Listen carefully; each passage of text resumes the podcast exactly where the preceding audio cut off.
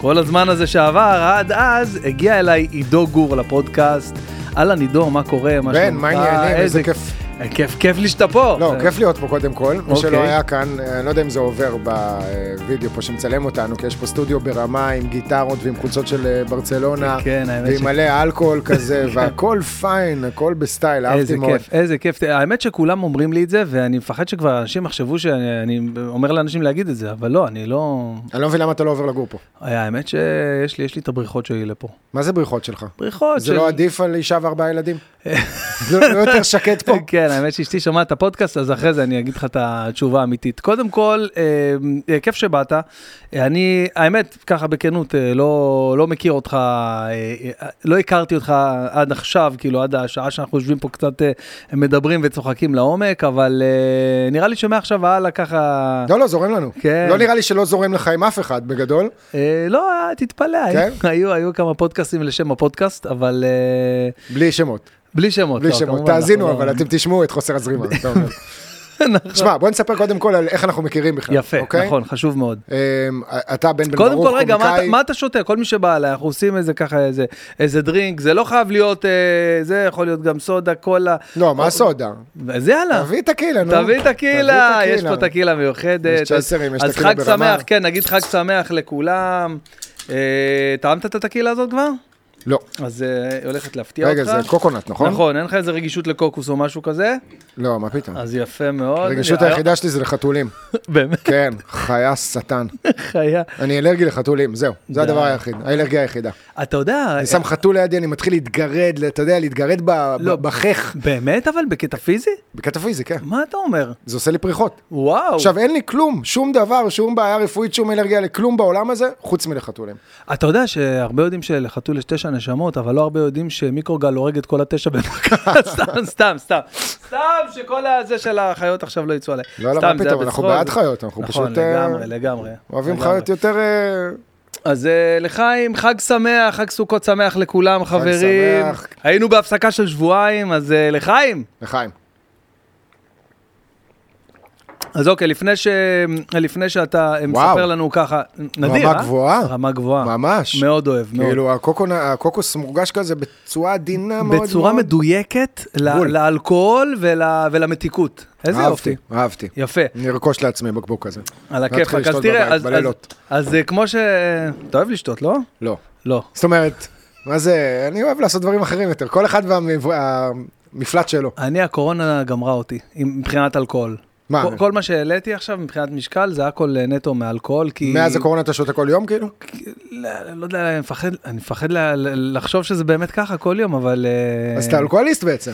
וואו, אני, האמת שאני די, אה, די שותה הרבה מאז הקורונה, אבל בוא נגיד שלפני הקורונה היה לי את הסופי שבוע, אוקיי? רק סופי שבוע, ו, ומאז הקורונה אני כאילו אה, קצת יותר מסופי שבוע, ככה אני אומר בעדינות, כי אני לא רוצה שתדע כמה קצת יותר, אבל, אבל כן, הקורונה, זו הייתה הבריחה שלי. לא, אני קצת אה, פחות מסתדר עם אלכוהול. זאת אומרת, מה זה פחות מסתדר?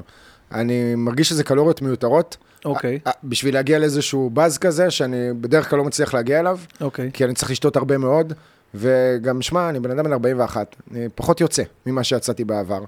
אתה יודע, אני מתעסק ב-NBA, אוקיי. במהלך העונה יש משחקים כל לילה. זהו, נכון, אתה איש של לילה בכלל. אני איש של לילה, אבל ממש. מהצד השני, לא מאלה שהולכים לברים וחוזרים הביתה ב-4 בבוקר, אלא מאלה שלא יוצאים מהבית וערים עד 5-6 בבוקר ורואים משחקים. כן. זה בגדול, החיים המשעממים שלי. אני, האמת, אה, אני, אני הכי אוהב לראות את, ה, את התקצירים של ה-NBA. אוקיי, את, את, ה, את ה-highlights, את הדברים, כי לא יודע, אני נראה לי קשה כאילו, לש... במיוחד בשעות האלה של, ה, של הבוקר, אני קשה. אגיד לך מה, כשאתה רווק בלי ילדים, הכל הופך להיות הרבה פחות קשה. זה בטוח, מסכים, מסכים לגמרי, אבל מה שבאתי להגיד, שהמקרים שכן הייתי ער, בשעות האלה, זה היה דווקא קופה אמריקה, משחקים של, אתה יודע, ארגנטינה ברזיל, וואו, שפתאום, איפה הלכת? אתה- שפתאום אה, בשעות האלה, אתה לא, מעלה פה זיכרונות אבל מלפני איזה 20 שנה, כן? לא, היה גם לפני שנה, היה גם לפני שנה שארגנטינה ניצחה, אז גם קמתי בחמש, בארבע וחצי, ככה לראות את המשחק, אז כן, זה היה, זה, זה באמת היה איזה משהו ש, אה, שכן הצליח להקים אותי, ואני, יש לי כמה חברים ששרופים NBA, קמים לכל המשחקים,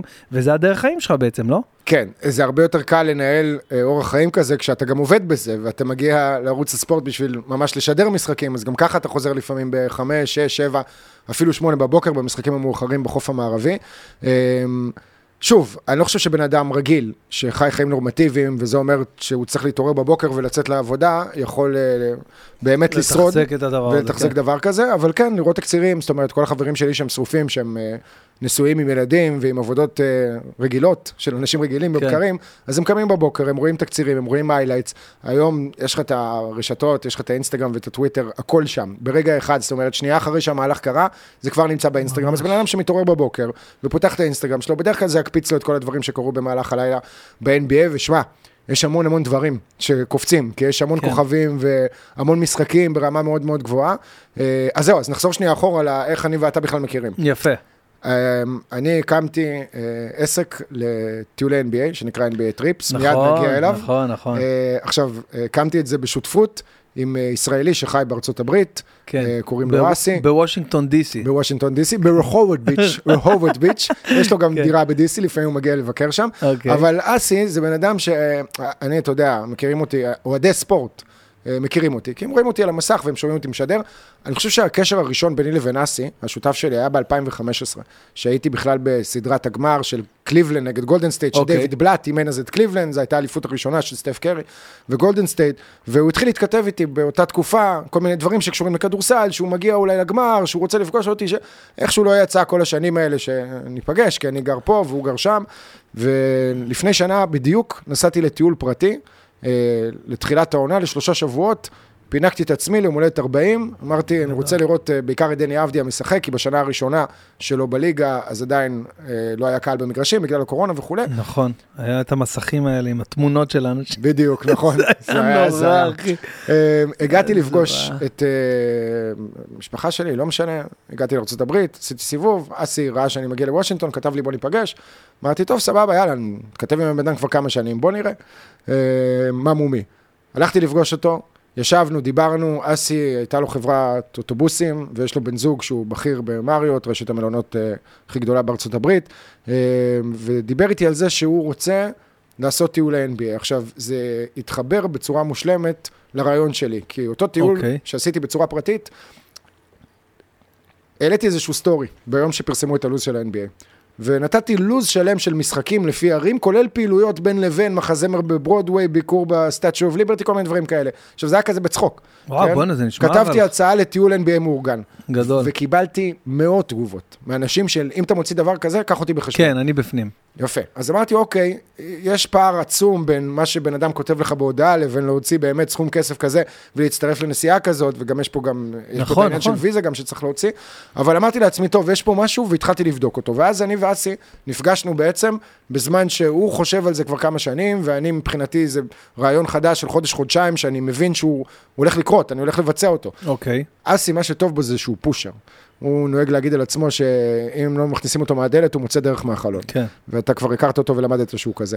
והוא בצורה מאוד מהירה ארגן את כל התשתית, שזה כולל אתר, וזה כולל את הקשר אה, עם חברת אוטובוסים ומלונות ועם הקבוצות, ויצאנו לדרך ברמה של מעכשיו לעכשיו, בתוך שלושה שבועות, שלושה שבועות לפני הטיול הראשון, פרסמנו בפעם הראשונה אי פעם בישראל, טיול מאורגן אה, למשחקי NBA בארצות הברית, מודרך, שאני כמובן מצטרף, עם כל מיני פעילויות מיוחדות.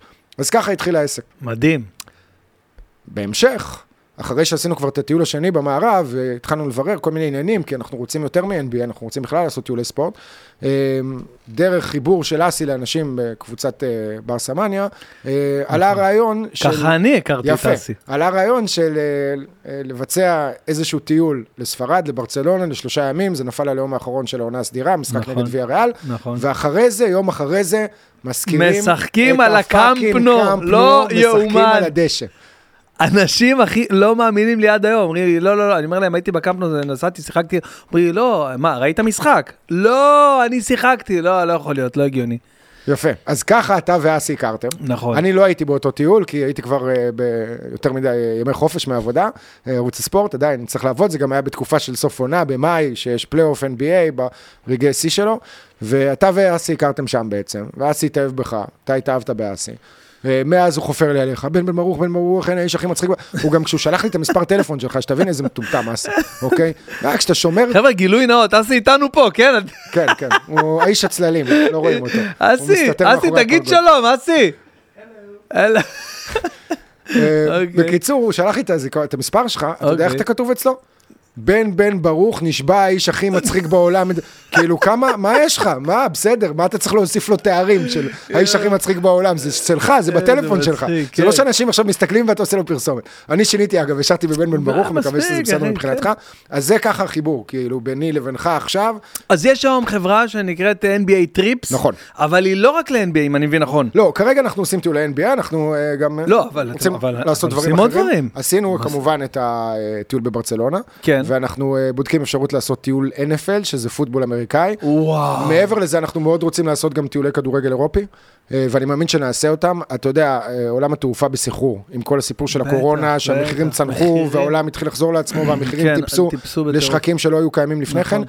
ועכשיו לטוס, נגיד, למילאנו, לברצלונה, זה, זה משהו שאי אפשר להתמודד איתו. זאת אומרת, זה מחיר טיסה שהוא פי שניים, פי שלושה, ממה שהיה עוד לפני ימי הקורונה. וגם, הבעיה היחידה בעסק הזה, שהליגות לא מפרסמות את הלו"ז שלהם עד שלושה חודשים בדרך כלל, שלושה, ארבעה חודשים לפני תחילת העונה. בכדורגל זה אפילו פחות, כי כן, העונה מסתיימת פחות, לך בטח. בתחילת יוני ומתחילה באוגוסט, אז יש לך כמה שבועות, אתה מקבל את נכון. הלו"ז חודש וחצי לפני תחילת העונה. עכשיו, לתכנן מראש אה, נסיעות, אתה לא יכול, כי אין לך בעצם את הלו"ז. וזה אומר שהטיסות שאתה תקנה יהיו בטווח זמן קצר, והמחירים שלהם יהיו מאוד מאוד גבוהים. אה, אבל אנחנו ננצח את זה, ואנחנו נתמודד עם זה, אנחנו עסק בתחילת הדרך, ו... רגע, אז אני רוצה להבין, אז אה, כאילו מהבנתי, הטיולי, תקן אותי אם אני טועה, כן, הטיולי NBA טריפס האלה הם לעשירון העליון? לא, לא רק, ממש לא. אה, קודם כל, המחירים שלנו הם לא מחירים אתה גבוהים מת- ביחס אתה- למה שאנשים אתה מקבלים. מתאר לי פה משהו שהוא כל כך חלומי, שאני מבין שגם, אתה יודע, הוא עולה. הוא עולה. בסופו של דבר. הוא עולה, זה לא גרושים, אתה יודע, אוקיי. אבל בוא נגיד שבטיולים הקודמים שלנו היו אנשים מסוימים שחסכו כסף, לא ידעו בשביל מה הם חסכו, הם חסכו כסף, שיהיה להם בצד, וואי, מגניב. ופתאום נוצרה האופציה הזאת להצטרף לטיול מהסוג הזה, ואמרו, אוקיי, זה הגשמת חלום. עכשיו, אנחנו לא סתם ממתגים את עצמנו כחוויה של פעם בחיים. NBA טריפס, חוויה של פעם בחיים, באנגלית, once in a lifetime experience, כן. זאת באמת חוויה של פעם בחיים. זאת אומרת שלעשירון העליון, בשבילם הם יכולים לעשות את זה פעם בשנה. נכון. זאת לא חוויה של פעם בחיים, נכון. זאת חוויה כיפית, וזה אנשים שיעשו את זה והם נהנים מאוד, אבל אנשים אחרים שאין להם יכולות כלכליות באמת יוצאות דופן, עדיין יכולים לצאת לטיול כזה אחת לכמה שנים, או אפילו פעם אחת בחיים שלהם, לשלם סכום של בין 5,000 ל-7,000 דולר, משהו כזה. עכשיו, מה שהם מקבלים שם, זהו, בין- תגיד, אני... אני- זה באמת, זה, זה יותר מחוויה של פעם בחיים. זה, ו- כי ב-NBA זה מטורף, אני, אני אגיד לך באיזה מובן. אנחנו שהיינו בקמפנו, ששיחקנו בקמפנו, אה, קודם כל לא עיכלנו את המעמד, ו, וזה היה מטורף, אני עשיתי על זה פרק שלם בפודקאסט ה- הנוסף שלי, האודיו אונלי, מהדורת חמישי, הפי, מה שנקרא Thursday. אה, אז דיברתי ממש על, על כל החוויה שהייתה לנו שם, איזה שעה וחצי של, של פרק, ולא הצלחתי לה, להסביר אפילו קצת מה... מה כאילו היינו שם ב- ב- מרוגשים ברמה שאנחנו על הדשא, ואנחנו כאילו כבר, כבר שעה על הדשא ועדיין לא נרגעים. אני אומר לך, לא מצליחים לסדר את הנשימה, לא מצליחים, ל- ל- כאילו חוויה יוצאת חוץ גופית, ממש, ברמה הזאת. אבל לא היה, אתה יודע, לא היה קהל בכלל באיצטדיון, כאילו כמעט ולא, היו, אני יודע, את המבקרים של המוזיאון וזה, איזה עשרות אנשים. מה שאסי מספר לי על ה-NBA זה שנגיד אם יש איזה, לא יודע, קולעים לסל, לפרקט, יש קהל יש קהל, יש קהל. מטורף. מה זה יש קהל? בגדול אנחנו עובדים על אה, זה, על אה, לעשות זריקות עונשין במחצית של המשחק. סתם, סתם, זה אני מגזים. אבל יש כמה אלמנטים בחוויה שנקראת NBA טריפס. קודם כל ולפני הכל, דיברנו על המחיר, אז המחיר הוא אמנם לא זול, אבל בתכלס, אם אתה עכשיו רוצה לעשות טיול באופן פרטי, ולטוס לאותם משחקים שאנחנו טסים, ולישון באותן מלונות שאנחנו ישנים, המחיר יצא לך בערך אותו דבר. אותו דבר, כן. אותו דבר, אממה, אצלנו אתה מקבל דברים שאתה לא יכול אה, לדמיין אותם.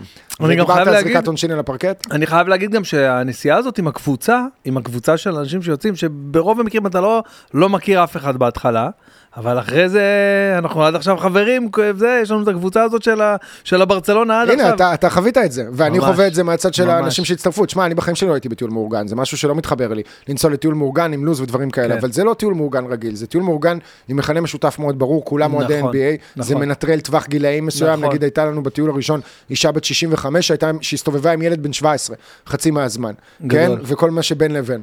וזה גברים וזה נשים וזה גם אמריקה, שהכל כיף ונוצץ והתנאים הם סוף הדרך, אה, אבל החוויות האלה, והאנשים, החוויות האלה שאתה יוצר, ואנשים שאתה הולך איתם אחרי זה דרך בחיים, סתם דוגמה, בטיול האחרון שלנו, היו איזה שלושה חבר'ה שהפכו להיות חבורה, של שלישייה, חברים ממש כן, טובים, שלא גם. הכירו לפני זה, שאחד מהם כבר התחתן, והם היו בחתונה אחד של השני. והם נפגשים איזה פעם בשבועיים, ועושים על האש, ורואים משחקים ביחד. זאת אומרת, שים בצד רגע את כל הדברים, וכל, ה- אתה באמת מכיר פה אנשים, שאחרי זה הופכים להיות חברים שלך לחיים. גדול. אז זה דבר אחד. דבר שני, אה, יש את החוויות שאנחנו מסדרים לכל מי שמצטרף לחבילה שלנו, שזה בעבודה קשה מאוד של אסי מול הקבוצות, ובעבודה שלי עם הקשרים שלי מול אנשים, אני מסקר את הליגה הזאת אה, עשור וחצי כבר, והייתי בסדרות גמר, והייתי באולסטרים, אה, ומן הסתם אני מכיר אנשים גם בתוך קבוצות, גם בתקשורת, אה, גם שחקנים ודברים כאלה, וכאן אתה מנסה להפעיל את הקסמים שלך, ו-NBA זאת ליגה שאוהבת אה, אנשים שהם משלמים, כמו כל ארגון ספורט מקצועני. ברור.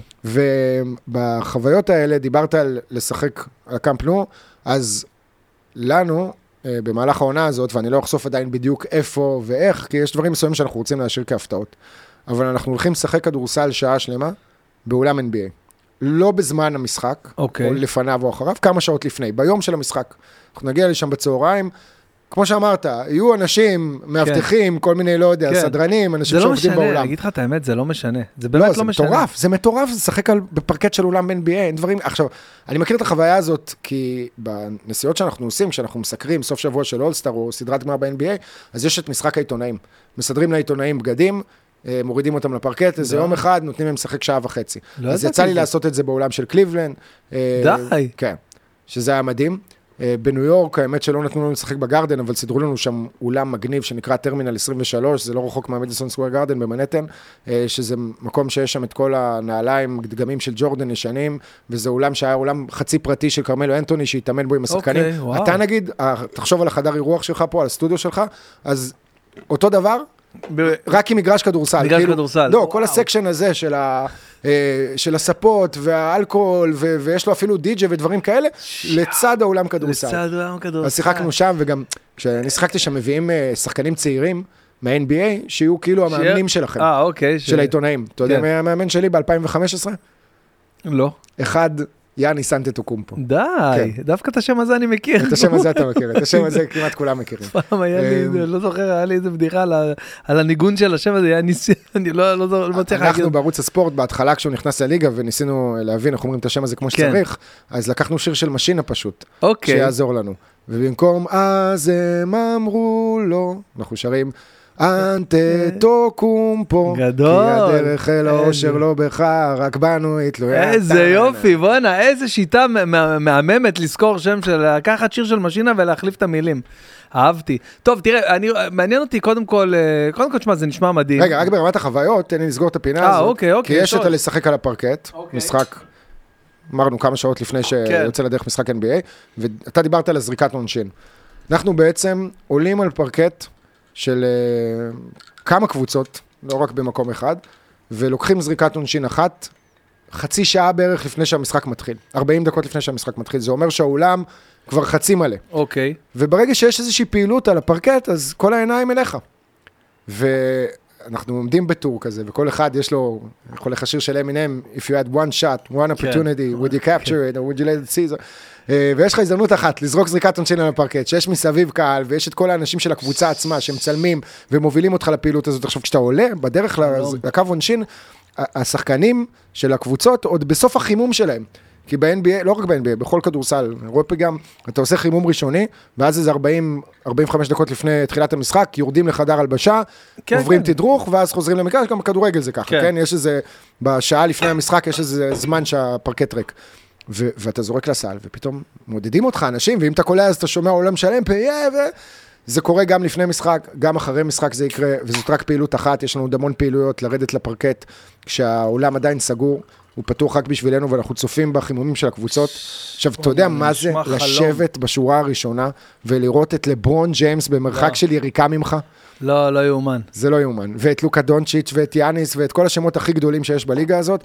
אה, בנוסף, אנחנו נשים אותם במנהרות שהשחקנים עולים בהם לכיוון הפרקט, והם פשוט נותנים high five לשחקנים. לא, מי ש... זאת אומרת, מי שיבוא איתנו ש- השנה, חבל על הזמן. ייתן? כיף ליאניס. יאללה, וואלכ, אני... ויש עוד מלא יש דברים ועוד תאריך השנה. כבר? כן, יש לנו שני טיולים בינתיים, ב-27 בנובמבר הטיול הראשון, עד ה-6 בדצמבר. עכשיו, בשביל שהטיול יהיה מיוחד, אני כאילו ואסי כל הזמן חושבים על איך יהיה הכי מיוחד בעולם, להוסיף עוד ייחוד על עוד ייחוד על עוד ייחוד. לא מספיק שהם נוסעים ומקבלים פעילויות, לא מספיק שהם יוצאים עם מדריך, בן אדם שהם מכירים מהטלוויזיה וזה. בוא נוסיף עוד משהו, בשביל אוקיי. שהטיול הזה יהיה שונה, כי אז, מה אנחנו עושים? טיול הבא, נצא לאותם יעדים, עם אותו מדריך, עם אותן פעילויות, אז הטיול יחזור על עצמו. אז בשביל באמת לעשות איזה משהו אחר, אה, מי שמצטרף לטיול הקרוב, אה, שגם מצטרף לטיול האחרון שלנו בפברואר, במרץ, בחוף המערבי, סימי ריגר. סימי ריגר, בן- זוגך, סימי ריגר, אפשר לקרוא לו כן. תכלס כן, כן. אתה רוצה לדבר על זה? תכלס, בטח, מה, זה אחד הדברים שמעניינים אותי, יש ביניכם קשר מהמם, לא? סימי זה הדבר הכי קרוב שיש לי לזוגיות בחיים, בעיקר כי אני מבלה איתו את רוב הלילות. אה, לא בקטע מיני, ברור. כן, וטוב שכך, אבל אה, שמע, סימי הוא רווק כמוני. שנינו NBA זה כל החיים שלנו.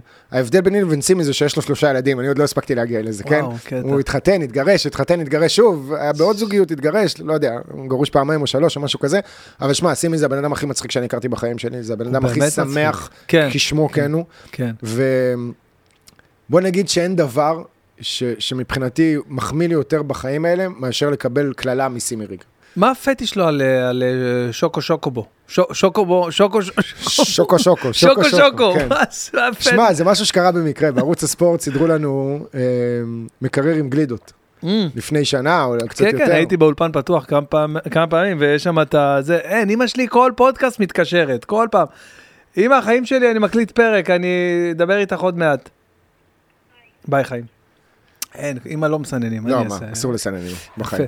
אז... אה, אז יש מקרר של גלידות. נכון, יש שם קרר של הגלידות. ואז איזה יום אחד אני סתם מצלם אותו כזה, לא, לא חשבתי על זה יותר מדי לפני.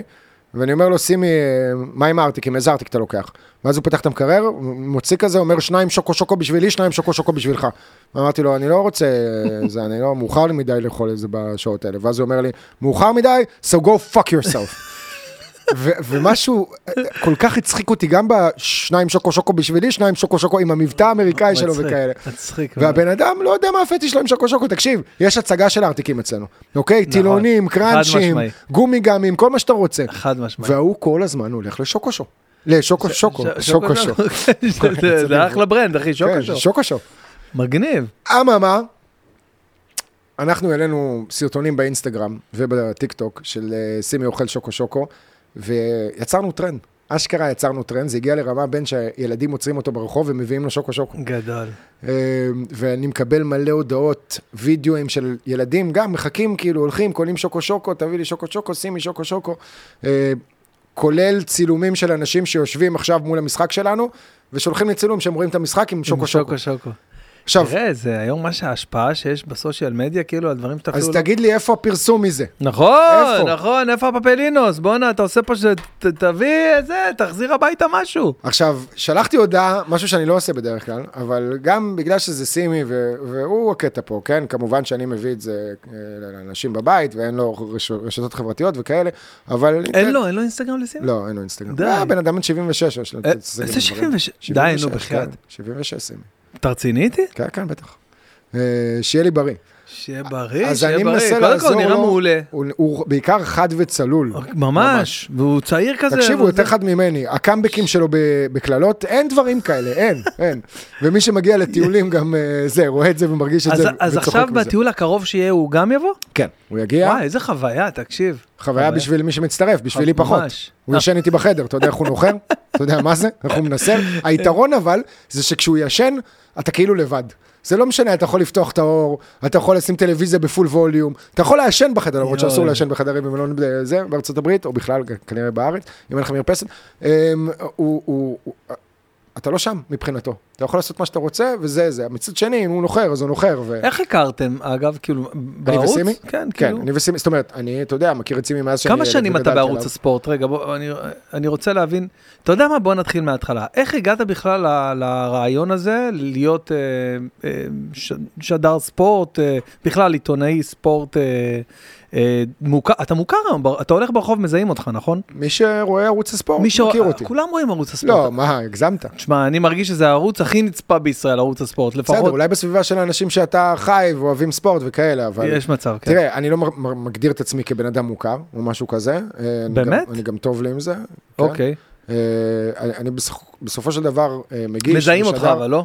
לא, מזהים אותי, כן, כן, מזהים אוקיי. אותי פה ושם, בעיקר גברים. אתה יודע, אני לא בזוגיות הרבה זמן, אבל במערכות היחסים האחרונות שהיו לי, אז הבנות זוג שלי השתגעו.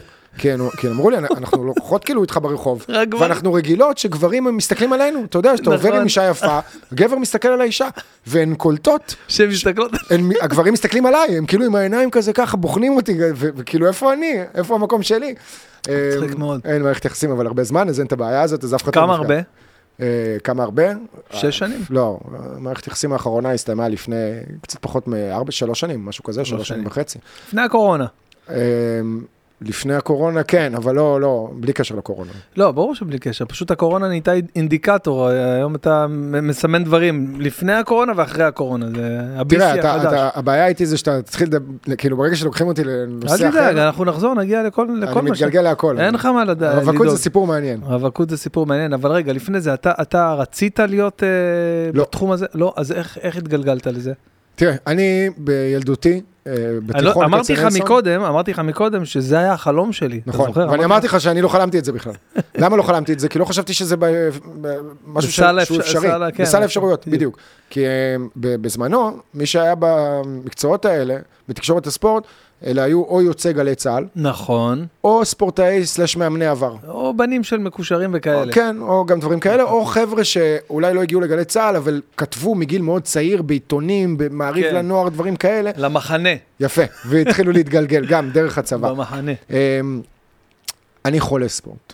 החיבור לספורט הוא מאז שאני זוכר את עצמי ברמת הצפייה. אבל כשאתה אומר לי ספורט זה ספורט או... ספורט קודם, זה ספורט, זה קודם NBA ואחרי זה... לא, כדורסל זה, זה הספורט המוביל והאהוב עליי מאז שאני ילד קטן. אוקיי. זה, הבסיס לזה זה חבר של אבא שלי שהיה אה, מאמן כדורסל בליגת העל, באותה, באותן שנים הוא היה עוזר מאמן בהפועל תל אביב של רלף קליין, אוקיי. יש לו גם בן אה, באותה שכבת גיל שלי, אז כאילו התחברתי מאוד ל, ל, לצד הזה, אבל אהבתי ספורט מכל סוג שהוא, כדורגל, כדורסל, טניס, אתלטיקה, הייתי רואה את כל המשחקים האולימפיים, הייתי עובר על עיתון הספורט, אתה יודע, היום זה לא משהו שקיים, זה לא כן? בטח קיים לא. מוסף.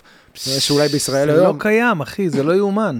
אבל אני מניח שגם אתה היית כזה כמוני. אני אני הייתי כזה, היה לנו עיתון ספורט, היינו קוראים את כל העיתון, מהמילה הראשונה עד המילה האחרונה. ממש ככה, ממש, דבר, כדוריד, הכל. בדיוק. הכל, הכל. כדוריד, כדורעף, כל ספורט אפשרי. אני, אני בתקופה של, אה, בשנת 95, ב- בשנים הלוהטות של אה, ג'ורדן, הייתי, הייתי רואה NBA, כאילו, אתה יודע, עם חברים שהיו אוהבים את זה, ו, והיינו, היה גם את ה... את ה זה, NBA במחשב, המשחק, המחשבים הישנים כן. שהיו פעם. NBA לייב. ה-586, אז, אז היינו משחקים ב-NBA יותר ממה שהם משחקים כדורגל, או פיפא או מה שהיה. ומאוד מאוד אהבתי את הספורט הזה, אבל עוד פעם, אני האהבה שלי, בגלל ששיחקתי גם כדורגל כל החיים, אז מה זה כל החיים? עד גיל 27, אז uh, הייתי תמיד באופן טבעי נמשך יותר לכדורגל, אבל גם אתלטיקה אני מאוד אוהב לראות, ושחייה, וכל ה... באמת, ספורט, אני פוטבול, אני חולה על אני פוטבול. חולה פוטבול. וואו, זה, אמרת שגם זה משהו שעתיד להיות בטיולים. כן, כן. וואו, זה- אמ, ה-NFL אה, זה, הפוטבול האמריקאי בעיניי זה הספורט מספר אחת בעולם. למה? הבעיה שלו היא אורך המשחק. למה? כי הוא, אני חושב שיש בו את השילוב הכי קיצוני סלש איכותי של יכולות אתלטיות עם יכולות טקטיות. טקטיקה ואתלט... אני מבין מה אתה אומר. ממש, כן, ממש. לא מרגישים את זה מספיק, כי המשחק יכול להיות ארוך ועם הרבה מאוד עצירות, ולפעמים לא מתקדם מתיש, לשום מקום, כן. אבל מבחינת פיזיות ואתלטיות אין שום ספורט שדומה לזה. מבחינת טקטיקה, אתה יודע, מה זה קורטרבק, כמה הוא צריך להיות חכם, כמה דברים הוא צריך להבין מעבר לזה שהוא צריך אינסטינקטים של טייס קרב, כן? זאת אומרת, האנשים שעושים את התפקידים האלה, הם היו יכולים להיות גם טייסי קרב מה אתה מצטיינים. אומר? אה, אבל נחזור לילדות, ספורט, ספורט, ספורט לפני הכול. רגע, אתה מכיר פוטי אוסטרלי?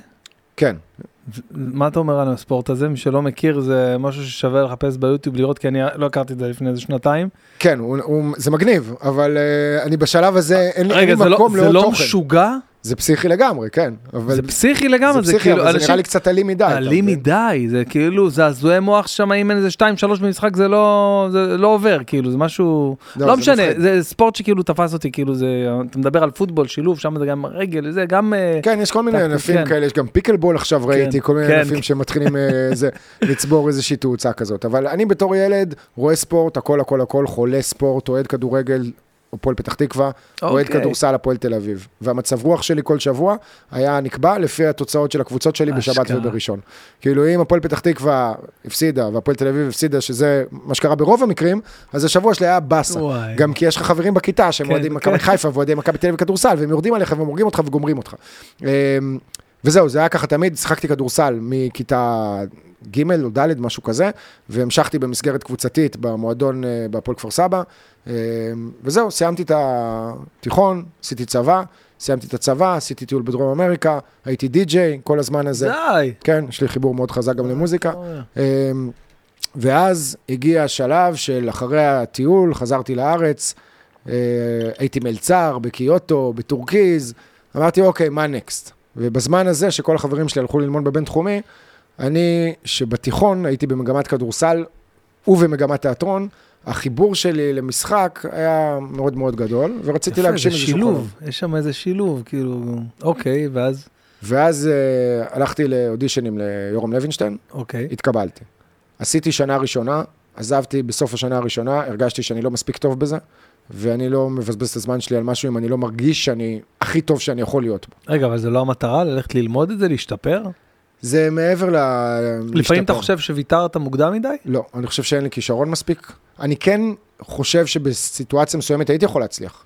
הייתי יכול, אתה יודע, זה טיימינג, זה מזל, אתה מקבל איזשהו תפקיד, דברים מסתדרים לך, ומשם אתה הופך להיות שחקן. אני פשוט חושב ומודה שאני לא טוב במבטאים, ואני לא טוב בחיקויים, ואני יכול לשחק את עצמי, בגדול. עכשיו, יש המון אנשים היום שמשחקים את עצמם, אבל בפרספקטיבה, בתפיסה שלי כלפי העולם, אני לא מצטיין בזה. ישבתי בכיתה שלי וראיתי את נלי תגר שלמדה איתי, וראיתי את עוז זהבי שהיה איתי בכיתה, די.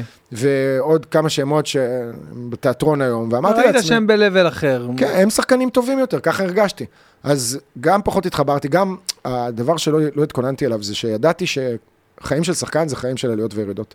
זה רכבת הרים רגשית, וזה חיים מאוד קשים. מאוד, גם אם אתה מצליח, בעיקר אם ממש. אתה מצליח. זאת אומרת, כי אם אתה מצליח ממש, אז בוודאות אחרי זה גם תהיה ירידה גדולה. אתה לא יכול להיות בפיק בצמרת כל הזמן, בטח לא כשאתה מתחיל בגיל צעיר.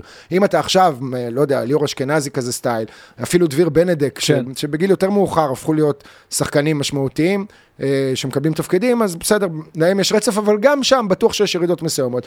כי אתה, אתה מקבל, ראיתי את זה עוז זהבי, לא ששמרנו על קשר, אבל הייתה לו את התקופה שהוא היה הדבר החם, שכולם ממש. דיברו עליו, וזה כיף, וזה מרים לך, ואחרי זה פתאום, אתה כבר לא הדבר החם, כי יש דבר יותר חם חדש, וזה סירקולציה כזאת. אז ידעתי שהחיים של שחקן הם חיים קשים, לא דמיינתי לעצמי שבמהלך הלימודים אתה מרגיש את זה. שכל הלימודים רצופים בעליות וירידות, במשחקים נפשיים של לראות עד כמה אתה חזק. אני הרגשתי, לא יודע אם אני הרגשתי שאני לא מספיק חזק, הרגשתי שאני לא מעוניין להשתתף באורגיית רגשות הזאת. אתה מגיע שם לנקודות שוואלה, שמע, בסדר, אני בן אדם רגיש, ואני בן אדם פגיע, ואני בן אדם פתוח מאוד, ואני יכול לדבר איתך כמעט על הכל. אבל עדיין מצאתי את עצמי בסיטואציות במהלך הלימודים שם, יושב ומדבר עם חבורה של זרים, הדברים שלא דמיינתי לספר לחברים הכי טובים שלי, למשפחה שלי, רק כי אתה רוצה למצוא חן בעיני המורה ולהיפתח ולהראות שאתה כן. איזה בן אדם כזה עם עומק ורבדים, כן. ו- והומני כזה, ו... עזוב, עזבתי לא אחרי בשביל. השנה הראשונה, אמרתי לו אתה בשביל. יודע עם מה היה לי דבר דומה? אני התחלתי ללמוד אה, הנדסת תוכנה. זה היה כאילו החלום שלי, חשבתי שזה החלום שלי, שהייתי אותו ילד שמשחק במחשב ב- בכיתה אה, ו', ז', ח', עוד שהמחשבים היו, אתה יודע, זוכר את כן. אה, סטיב ג'ובס עם המשקפיים ככה, זה של ה... אז ככה, בקיצור, אה, הייתי בטוח שזה מה שאני רוצה לעשות, ליצור משחקי מחשב ולקודד קודים וזה, והחלום הזה נשאר בי כל הזמן, אה, ובסופו של דבר, אחרי זה שהתחלתי לימודים, אמרתי, אני אלך להגשים את זה, אני אלמד הנדסת תוכנה, אני אה, אתחיל לשבת, לקודד קודים, ל- ליצור דברים, ו... והלכתי ללמוד, וכבר באמת, אחרי חודש, הבנתי שזה לא בשבילי. למה? אה, כי גם ראיתי את כל שאר האנשים, וראיתי את אה, רמת ההצלחה שלהם ב, ביחס להשקעה שלהם, שבדרך כלל זה, זה, זה לא הייתה השקעה כזאת גדולה, אבל עדיין הם היו, כאילו, אתה יודע, הם מוציאים 90-100 בקלות, כי היה להם חיבור, אתה יודע, אה, חיבור למספרים ולזה הרבה יותר חזק ממה שיש לי. אני כאילו, אני טוב במתמטיקה והכל, אבל זה יש שם משהו אחר בתוכנה, זה כאילו ה... המחשבה הבינארית שולטת שם, ה-0-1 הזה, גם בחיים, לא רק עכשיו לפתור איזה... זה, זה אנשים מאוד, אה, אתה יודע, בוא נגיד ככה, אה, לא בשביל משהו, כל, הייתי, כל הכיתה שלי היו רוסים, אוקיי? כל, אוקיי. הכיתה, כל הכיתה שלי היו רוסים. וסבבה, אני, אני, לא הייתה לי שום בעיה עם זה, אבל, אבל הרגשתי שכאילו אין לי את הכלים שיש להם, את הרקע ואת הבסיס שהם סוחבים איתם מכיתה א' נניח, אה, להצליח בקלות בדבר הזה. וראיתי שאני לא הולך להיות איזה... אתה יודע, סטיב ג'ובס הבא לצורך העניין, ואחרי חודש הבנתי את זה, אבל לקח לי שנה, כאילו, נתתי לעצמי גרייס של שנה ככה לראות, אולי אני אתחרט אחרי זה, אולי אני כן אה, דווקא, אה, אה, כן זה יהיה הדבר שאני ארצה לעשות וזה, וזה לא קרה בסוף, ואחרי שנה עזבתי, בגלל זה זה כאילו אה, מאוד אה, הזדהיתי. רגע, אבל במקביל כבר התחלת כאילו להתעסק בעולם לא, לא, הזה של לא, הבידור? לא, לא, עוד לא, עוד לא, עזב, עזבתי ללימודי כלכלה ומנהל עסקים. מהנדסת תוכנה לכלכלה כן, ומנהל עסקים? כלכלה ומנהל עסקים, כי אמרתי, טוב, אני, אני צריך את התואר הזה, אני צריך את התואר בשביל אימא, אתה יודע, להגיד, הנה, יש לי תואר ראשון. ובוא, אני לא, לא משתמש, לא בכלכלה, לא במנהל עסקים ולא בתוכנה היום, אבל uh, אני, אני מדבר על העניין של, ה, של הלקום וללכת, זה מעניין אותי אצלך. כאילו שאמרת, וואלה, ראיתי שזה לא אני, זה לא מתאים לי, אמרתי, אוקיי, תודה רבה, חתכתי. אני כאילו, לקח לי הרבה זמן לעכל את זה, להשלים עם זה ולהגיד, טוב, זה לא מה שחשבתי להיות, זה לא החלום שלי, אני לא טוב בזה כמו שחשבתי. לקח לי שנה לעשות את הדבר הזה, ו... אבל הלכתי ועשיתי את התואר הזה בכלכלה ומנהל עסקים, לא... עוד פעם, לא ש... תראה, בוא, בוא, אני חייב להיות כנה, כן? למרות שצריך להגיד כן, אבל... כן, נכון, אנשים, כן, כן, בדיוק, כן, תפסיקו, כן. תפסיקו עם החלטה הזאת, כולם תגידו כנה וזהו, די, חלאס. כן זאת מילה אחרת, נכון, סבבה, אנחנו משתמשים בכן לדברים אחרים. בדיוק. או של בובה שיוצאת עם ברבי. למרות שמה הקטע שאין לה איבר מין? מה הקטע הזה? כאילו... שאלה מעניינת, אתה, אתה אומר, זה mind fucking לילדים, כאילו, מה, נכון, מה הם אמורים לצפות? איך היא מתרבה גם? אה, כן, אה, לא ברור הקטע הזה. בקיצור, אני אה, הגעתי ל... כאילו, כנות, חזרתי לכנות. עזרו לי לקבל את ההחלטה הזאת. זאת אומרת, אתה... ביורם לוינשטיין, אתה מתקבל לפחות אז, אני לא יודע מה עכשיו, אני מדבר איתך לפני 17 שנים בערך, קיבלו 35 תלמידים למחזור. וכל התהליך שם מנסה לפלוט את אלה שלא מספיק טובים או לא מספיק חזקים. זאת אומרת, אתה חי עם, uh, תחת איום כזה של אם לא תהיה מספיק טוב, אז יחתכו אותך. כי בסופו של דבר הם מנסים להגיע לאיזה רשימה מובחרת של ה-15-20 הכי טובים. אני לאו דווקא מסכים עם זה, אני יכול להבין את ההיגיון מצד אחד, מצד שני, אני אומר לעצמי שאם אתה עכשיו בתהליך של לימודים, והלימודים האלה הם שלוש שנים, אז תרים לחבר'ה הצעירים שלך, ואל תפיל אותם בשביל לראות מי מספיק חזק כדי להתמודד עם זה. תרים אותם, ואז תראה מי יש כישרון, מי מספיק טוב, כי כשאתה כל הזמן מנסה להוכיח את מקומך בתור שחקן, בשלב מאוד מוקדם, ולא מצליח, אז זה משהו שכבר נגרר. אני לדוגמה, היה איזה קטע שעשיתי שלוש פעמים את הקטע הזה, שבפעם הראשונה זה היה הכי טוב מה, מהפעמים האחרות, אבל עדיין, הפעם הראשונה לא הייתה מספיק טובה, והמורה אמרה לי שחסר פה איזה משהו, ועשיתי את זה עוד פעם, ובפעם השלישית כבר מצאתי את עצמי יושב מול הכיתה, עם דמעות בעיניים, כי אני מבין שלא הולך לי, ושם קיבלתי את ההחלטה, אמרתי, טוב, זה לא... לא בשבילי. לא, לא. בשבילי. לא. אז עזבתי, והייתי קצת אבוד, אה, אבל מיד הלכתי לעשות קורס מדריכים אה, של אה, מאמני כדורסל. שוב, חיבור לכדורסל כל החיים, שיחקתי וכאלה, ואז במשך שנה הייתי, כל, כל הזמן הזה גם אני עובד בחיי הלילה בתל אביב, ברמן, די.ג'יי וכאלה. אמ, עבדתי בבית ספר יסודי בכפר סבא, עיר שממנה הגעתי, והייתי מאמן של אה, קבוצת כדורסל, של לא קבוצת כדורסל, של בית ספר כדורסל, בית ספר לכדורסל. זאת אומרת, ילדים מאפילו גילאי גן עד לכיתות ו', שכל שכבת גיל הייתי מאמן בנפרד. עשיתי את זה במשך חצי שנה, שמונה חודשים, ואז במרץ 2007, גיסי, יעקב אילון, אם אתה מכיר. יעקב יעקב? כן, יעקב אוקיי. אילון. אה, התחתן עם אחותי עוד לפני 20 שנה, משהו כזה. אה, הוא הכיר בן אדם שעבד איתו בערוץ 10. איפה הוא היום? תגיד לי. היום הוא בערוץ הכנסת. ערוץ הכנסת, ו- נכון. ועושה עסקים פרטיים. נכון, הוא היה נכון, בכל נכון. מקום, יעקב. נכון, נכון. הוא היה נכון. בערוץ 2, בערוץ 1, בערוץ 10, ברשת. הוא היה הפנים של המדינה תקופה, אחי. כן, כן, עם השלטים שלו על איילון כאלה, שלטים ענקיים שם, בעיקר בתקופה הזאת של ערוץ 10 שהוא נפתח, אה, ניסו אוקיי. לתת תחרות. אז, אה, אז גיסך, יעקב אז אלון. גיסי יעקב אלון עבד עם אה, בחור בשם אמיר רוכפלד בערוץ 10. אוקיי, גם מוכר לי השם. אמיר רוכפלד אה, היה איש טלוויזיה, איש תקשורת ספורט הרבה מאוד שנים, אני לא סגור כל כך על מה הוא עושה בשנים האחרונות, אבל אה, הוא נפגש עם יעקב במקרה, והשניים היו מכרים כי הם עבדו ביחד בערוץ 10, והוא סיפר לו על הפרויקט החדש שהוא מקים, צ'ארטון, ערוצי ספורט 1 וספורט די. 2. הוא אמר לו, תשמע, אנחנו יוצאים עם הערוצים האלה, עד אז זה היה פייפריוויו, היית משלם רק פר משחק מסוים שאתה רוצה כן. לצפות בו, והוא אמר לו שהוא מכיר, שהוא פותח ערוצי ספורט, אם הוא מכיר מישהו שרוצה לעבוד בתחום. גיסי אמר, שמעו, יש את, ה... את גיסי, את אה, כן. אחיה של אשתי, שהוא חולה ספורט בקטע קיצוני, אני לא יודע אם זה מתאים או לא מתאים, תיפגשו וכאלה. נפגשתי עם החבר'ה של צ'ארטון, קיבלו אותי לעבודה, הייתי עוזר הפקה מה זה הראשון. קיבלו אותי? זה, זה אלה החלקים הכי מעניינים אותי בשיחה. מה זה קיבלו אותי? מה, איך, מה, איך הרשמת אותם שהם קיבלו אותך? אז נתת להם איזה פיץ של ידע אה, מוחלט בכל תחום ספורט? מה היה שם שהם קיבלו אותך? למה לא קיבלו אותי? למה, הלכת לראיון? לא, אז הייתי? הולך אבל, כי ידעתי שלא יקבלו אותי. לא. למה? אותך יקבלו? מה, בכיף הם אז מקבלים רגע, אותך. אז איך קיבלו אותך? מה, איך הרשמת אותם שם? קשה לי להגיד בדיוק, אני חושב שאפילו אמרתי קצת שטויות. תראה, קודם כל, בוא לא נשכח. חבר'ה, זה, זה העניין, תגידו שטויות, לכו לרעיון עבודה ותגידו שתקבלו אתכם. בוא לא נשכח שיעקב בסופו של דבר האיש שתיווך בפגישה הזאת. אוקיי, אז אני סבבה. מניח שמראש, אני בחיים לא השתמשתי בעזרה שלו, משהו כזה, זה גם לא ש... זה זה משהו שבא ממנו, כן? פשוט עשה את החיבור. אבל אני מניח שזה נתן לי יתרון מסוים, מה גם שזה היה שלב מאוד התחלתי של אה, צ'ארטון, ו... ושוב, לא היה עדיין עוזר הפקה, היו חמישה אנשים עבדו במערכת של צ'ארטון. הייתי עובד השישי של החברה הזאת, ועוזר הפקה הראשון. אה, אז אני מניח שגם זה שיעקב נתן עליה מילה טובה. אה, וגם ישבתי איתם שם לפגישה. אני בן אדם, אה, לא יודע איך להגדיר את עצמי בהקשר הזה, אבל אני מניח שיש בי צבעוניות מסוימת, אוקיי. וכשאני מדבר, אני חסוף מאוד, אז נגיד, אז אני זוכר שדיברתי משהו על כמה אחותי שווה ברעיון עבודה הזה, אתה מבין? גדול. חבר'ה, תגידו, באמת, תספרו. אחת הנשים השוות. תקשיבו, כן, מדובר, יש לי אחות נדירה, אתם חייבים, עזבו את השנייה, את הרעיון עבודה בצד. תקשיב, יש לי אחות. כן. איכשהו זה התגלגל לשם, כאילו, אה, אה, היה שם את אמיר רוכפלד ועוד בחור בשם מודי טרלו, הוא הסתכל עליי בעיניים כאלה, מי זה התלוש הזה? או משהו כזה, אבל נתנו לי צ'אנס. אה, ואני לא יודע עד כמה הרשמתי אותם, אני לא יודע גם כמה אתה צריך להרשים היום בתור עוזר הפקה, כן? אוקיי. ומהר מאוד הם הבינו ש, שאני סופר מקצוען, פרפקציוניסט, שמשקיע אה, בלי סוף בדבר הזה, כי, כי, כי זה לא עבודה. שמע, אני חי בחופש, אשכרה. אני לא עובד. היום יש לי, אחרי שנסיים להקליט את הפודקאסט הזה, אני נוסע לעשות שידור של אה, ליגת האלופות בכדורסל, פריסטרי נגד בני הרצליה. קבוצה יוונית שווסיליס ספנוליס, שהוא שחקן אגדי, שרק פרש לפני שנתיים, יווני, אה, הוא המאמן של פריסטרי נגד הרצליה, שלקחה גביע.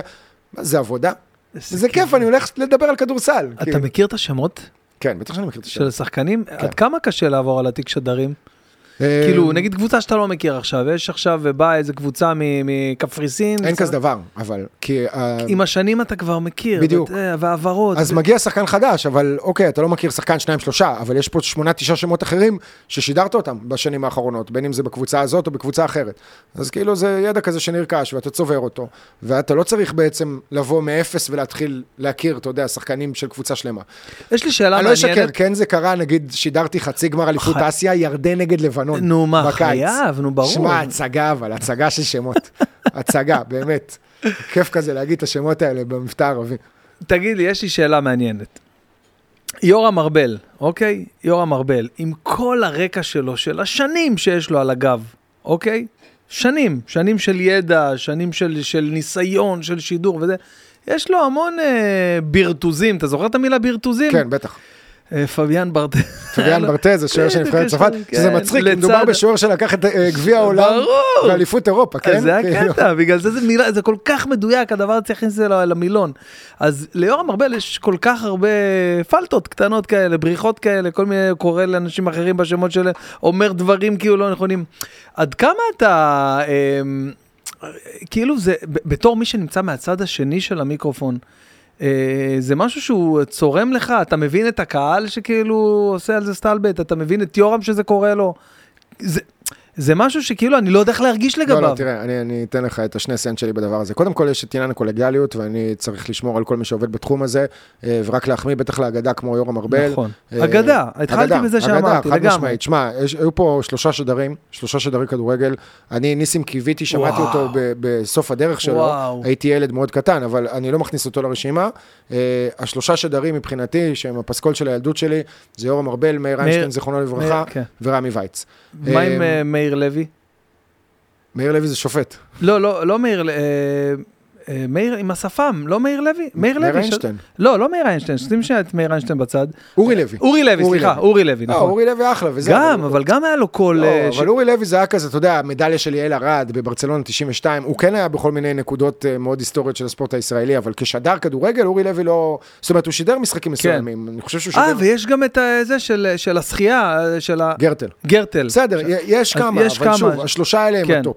בטופ מבחינתי מאיר הוא השדר מספר אחת שהיה בספורט מסכים, הישראלי, מסכים. כדורגל, כדורסל, מסכים. יכולת ורבלית, רהיטות, קול, בעיקר קול. הקול שלו היה הקול הכי טוב שהיה פה אה, מול מיקרופון בתקשורת הישראלית, ואני אגיד לך יותר מזה, גם יותר מהספורט, מעבר לספורט, כן? מאיר גם, הוא היה פנומן, הוא היה יכול לעשות כל מה שהוא היה רוצה. באמת יחיד בתחומו. יורם, מבחינתי, שני אחריו. אה, ויורם גם, אה, יש לו כל כך הרבה מטבעות לשון וכל מיני סאונדאפים של כדורגל, של ככה לא בונים ממש, חומה כן. ודברים. כן. ו- והיכולת שלו, גם הקול שלו, ו- ופה מדובר בבן אדם שגם הוציא שיר, הוציא שהפך שיר, להיות כן, להיט. נכון. אני בגלל יורם ארבל, מגיל מאוד צעיר, אומר לעצמי, אני אוציא מתישהו שיר שיהיה ברדיו להיט. גדול. עכשיו אני פחות בקטע של שיר, יותר אלבום ופחות להיטים, אבל וואי, נדבר. נחזור ליורם ארבל. יורם ארבל, אני לא זוכר בן כמה, הוא 70 וכמה? אתה שואל אותי, אני לא יודע. הוא בן 70 ומשהו. אה, עכשיו, זה לא עניין של גיל, כי סימי ריגר משדר לצידי והוא בן 76, כמו שאמרנו. אמ, אבל אני מתחבר לדברים האלה שאתה מדבר עליהם, ואני מסתכל על הדברים בזווית אחרת. קודם כל, אני לא אבוא לאף אחד ואגיד לו אה, לעזוב, לתלות את המיקרופון או משהו כזה, כל אחד שיעשה מה שהוא רוצה לעשות, וכמה זמן שהוא רוצה לעשות את זה, ושיורם יהיה בריא, ושיוכל להמשיך לשדר אה, ככל שאפשר. מצד שני, לי יש הסתכלות אחרת על זה. אני אומר את זה מגיל 40, 41 עכשיו, ועוד לא הייתי בן 70 פלוס, נכון. ואני לא יודע איך אני ארגיש שאני אהיה בשלב הזה, ואם באמת, אתה יודע, השידורים האלה זה פחות או יותר אחד הדברים הכי כיפים שיש לך בחיים. אז בגיל 70, שאין לך המון דברים אחרים כבר בחיים, נכון. שאתה עדיין יכול לעשות בגילאים צעירים יותר, אז, אז לוותר על זה, זה נראה לי כאילו מצד אחד להרוג את הבן אדם. להרוג את הבן אדם, מצד שני, אני מסתכל על הדברים בצורה אחרת, כי את כל היסודות שלי קיבלתי מהטלוויזיה האמריקאית. ואני חושב שיש שלב מסוים, ואני אומר את זה גם על עצמי, שאני צריך לפרוש. שאני צריך לפרוש ולתת לדור הצעיר, בטח אם אני כבר פחות טוב ממה שהייתי. ושוב, אני מכבד את יורם וחושב שהוא אחד הגדולים שהיו פה, וגם לא בא ואומר לו עכשיו מה לעשות. אני אומר שאם אני הייתי, אני רוצה לחשוב לפחות, כן. שאם אני הייתי עכשיו בגיל 70 פלוס, ו- וזה היה משפיע עליי, הייתי עושה טעויות, הייתי רואה פחות טוב, אז הייתי מעדיף שלא לשדר. אני יכול להגיד לך שבתחילת הדרך בערוץ הספורט, אה, בין היתר נתנו לי לשדר כדורגל.